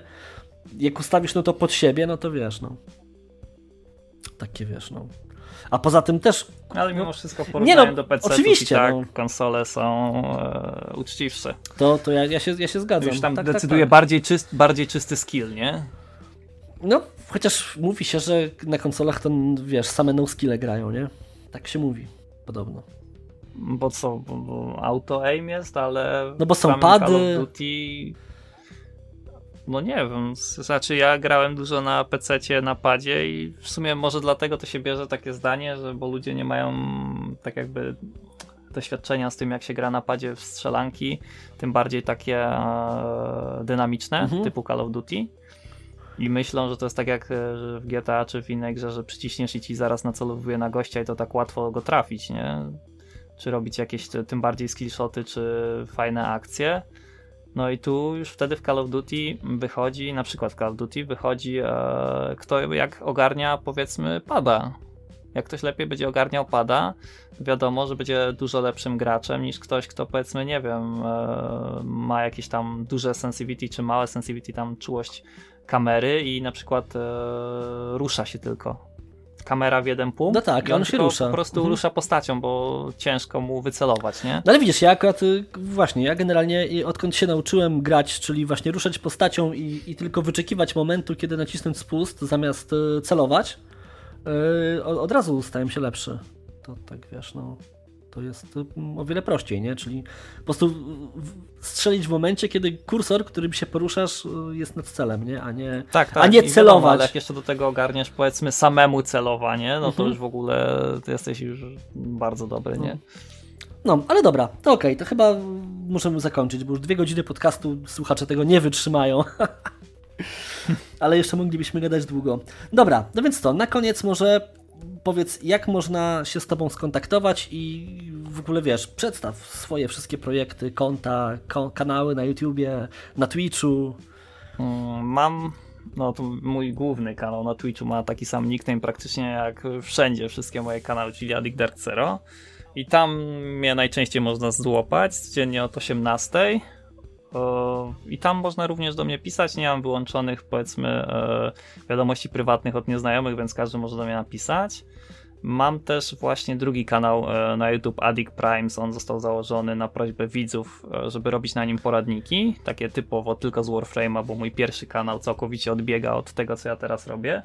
Bo mój pierwszy kanał był poświęcony temu, co ja zaczynałem, czyli komentatorka Call of Duty, potem poradniki do fabuły Black Ops Zombie poprzez e, Dark Soulsa, tak jak byłem kiedyś nazywany właśnie w internecie na Twitchu Dark Souls Wiki, bo to były moje początki takie, właśnie masterowanie Dark Soulsów. No i potem skończyło się tak jak jest teraz, czyli Warframe, nie? Więc ten kanał oczywiście pierwszy dalej żyje. E, wrzucam na niego nagrania z live'ów, jeżeli chodzi o mm, Dark Soulsy, kanał Addict Darkcera. Ale głównie skupiam się na tym nowym Addict Primes, tam właśnie poradniki, eventy, rzeczy związane z Warframe'em. Są też oczywiście jakieś tam serie e, drugoplanowe, ale głównie jest to poświęcony kanał Warframe, e, o Warframe. Mm. Można również na Discordzie do mnie pisać. E, na Discordzie, jeżeli ja jestem dostępny na Discordzie, to znaczy, że jestem na komputerze, więc kto wie, to wie, że tak mnie można złapać. Na Steamie również dodaję większość osób przynajmniej z e, Twitcha, bo mogę wtedy sobie przypisać, że to jest ta i ta osoba. Wiadomo, ludzie na Steamie zmieniają niki bardzo często, więc ja wolę sobie przypisać, że no, to jest ten z Twitcha, ja go kojarzę. Ale głównie do kontaktu to polecam Twitcha, ewentualnie maila, jeżeli ktoś coś takiego bardziej e, ważnego, a ewentualnie łapać mnie na Discordzie. A na Twitterze? Mam jeszcze Instagrama, ale o. Twitter, o Twitter to jest coś, co, czego nie ogarniam. Ja ledwo zostałem namówiony do Instagrama, który służy niby do wrzucania zdjęcia, ich za bardzo nie lubię robić, ale coś tam, coś tam właśnie prowadzę na tym Instagramie, wrzucam te zdjęcia. Nickname tak samo jak wszędzie. E, ale Twitter, też mam Twittera, co jakiś czas tam coś wrzucam, ale nie, Twitter to jest jeszcze poza, mi się zdaje, że Twitter w Polsce tak się bardzo nie przyjął, jak na przykład Instagram, Facebook, Twitter bardziej jest popularny w Stanach. Ale widzisz, Twitter jest akurat, widzisz, jakat jestem wybitnym Twitterowiczem, zawsze na Twitterze się kręci dramy i gównoburze, naprawdę, to jest świetne, świetna, świetna platforma do kręcenia dram, szczególnie z, z branżunią giereczkową polską. Także polecam Twittera i, i ten. Bo na, nawet y, zacząłem cię śledzić na Twitterze i tam nawet wrzucałeś zdjęcia kubków, tam, które mhm. dostałeś od, od, od, y, od Digital Extremes. Tak. A, to, to był, a, to mówisz o tym białym, tak nie napisem Warframe, czy o tych najnowszych teraz? E, już wiesz, to nie pamiętam, ja po prostu za, zauważyłem, że... Sta, stary post, czy taki nowszy? Jak nowszy, to to są akurat moje kubki, bo mam swój e, no wiem, że na kapselu, wiem, że to... swój sklep, swoje produkty. Ale nie, nie, nie, nie, nie, chodziło mi, że dostałeś od Warframe'a i tam po prostu tak, wiesz... A, tak, no to tak, to takim listem chyba to na święta było bodajże. No, ale dobra, no nieważne, w każdym razie ten stary mhm. polecam, polecam ci, ci też na Twitterze być, bo... Jak ogarnę tego Twittera, to na pewno tam też będę, bo już te, te social media się tak zazębiają, że praktycznie z jednego możesz też udostępnić post na wszystkie inne, więc e, jak zgarnę kogoś ogarniętego, kto mnie będzie na, nauczał, to a to spoko, Można to, składać to, do mnie CV. To, stary, to, to, to, po prostu ja zaproszę Cię na naszego e, Discorda od podcastu gireczkowego. Mamy naprawdę świetną ekipę, także i wtedy już się wkręcisz w te, te dramy na Twitterze i ogólnie. Czyli generalnie to wszystko. Tam oczywiście linki do wszystkich Twoich kanałów, do Twitcha to, to wrzucę w opisie, żeby każdy, mhm. każdy mógł sobie kliknąć i się zapoznać. To nie wiem, stary, chcesz coś jeszcze dodać? Bo ja teraz zaproszę wszystkich na... Mm, tak, czytam tutaj, tu jeszcze tutaj tak o projektach, jakie są prowadzone. O, tak, to, właśnie. Jeżeli chodzi o streamy, Warframe przeważnie od 20, streamy są od 18, ale Warframe staram się tak 20. Kiedyś był Warframe tylko od 18 do północy ale no też ile można, nie? Chciałbym pograć w coś innego, widzowie chcieliby pograć coś innego, więc od 18 są różne gierki. E, teraz robimy Dark Soulsy, nadrabiamy e, wszystkie achievementy. Jeżeli ktoś chce się przyłączyć, to śmiało może wbić do party i robić to z nami. E, czasami w CS-a, czasami Rainbow Six Siege, Destiny, czy też inne gry i potem od tej 20 jest ten Warframe, pomaganie, giveawaye też codziennie od 3 lat i one są sponsorowane z mojej kieszeni. O tak dużo osób potrafi zarzucać, że to dostaje nie. Jedyne co dostaję, to zawsze mówię, że ja to dostałem, to są Prime Accessy więc jak ktoś by chciał też coś wygrać, co Prime Access, co Unvault Access, e, jest to do wygrania u mnie, tak jak teraz w przyszłym tygodniu bodajże będzie ten Unvault, to będzie giveaway na Unvault i to jest właśnie sponsorowane od D. A tak, ja od trzech lat codziennie, dzień w dzień, po kilkanaście giveawayów robię na platynę, na przeróżne rzeczy, sloty dla widzów i to jest niezmienne. Taka moja właśnie pomoc tym nowym graczom i w sumie też doświadczonym, bo wiadomo, każdemu się to przyda, nie? No, sloty każdemu się lat, tak. taka prawie zasada u mnie niezmienna, to jest zawsze. No to jest Jeszcze fajne. mi się nakłady nie, nie, nie skończyły, więc mogę rozdawać. I jeszcze wiki chyba prowadzisz też e, Warframe'ową, tam rozwijasz, z tego co pamiętam. E, nie tyle prowadzę, co e, jeżeli są tam jakieś błędy, jakieś coś, to zgłaszam, doglądam i staram się pomagać, bo fajnie, żeby ta polska wiki również była, nie tylko angielska, ale właśnie polska i żeby każdy po polsku mógł sobie coś znaleźć, nie musiał tam powiedzmy, bo wiadomo, no nie każdy się uczy angielskiego, chociaż teraz to jest podstawa. Niektórzy są na przykład, e, uczą się niemieckiego, nie? No i fajnie, żeby to po polsku również w naszym języku, żeby e, ta pomoc e, była do tego Warframe'a, do tej gry, więc jak najbardziej. No, także co, to już wszystko. Zareklamowałeś się. Czy jeszcze coś zostało? Ja już wszystko. Już wszystko. Dobra jest. To teraz ja wobec tego zareklamuję jeszcze, że jeżeli podobał Wam się odcinek, to naprawdę szerujcie i um, dzielcie się ze znajomymi, ponieważ no, zależy mi na tym, żeby jak najwięcej osób dotarło do, do, do, do podcastu giereczkowego, do tego naszego podcastu i chciałbym zaprosić wszystkich na naszego Discorda.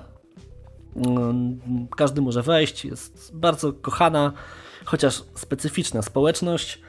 No i link do Discorda to www.giereczkowo.pl discord. Także zapraszam.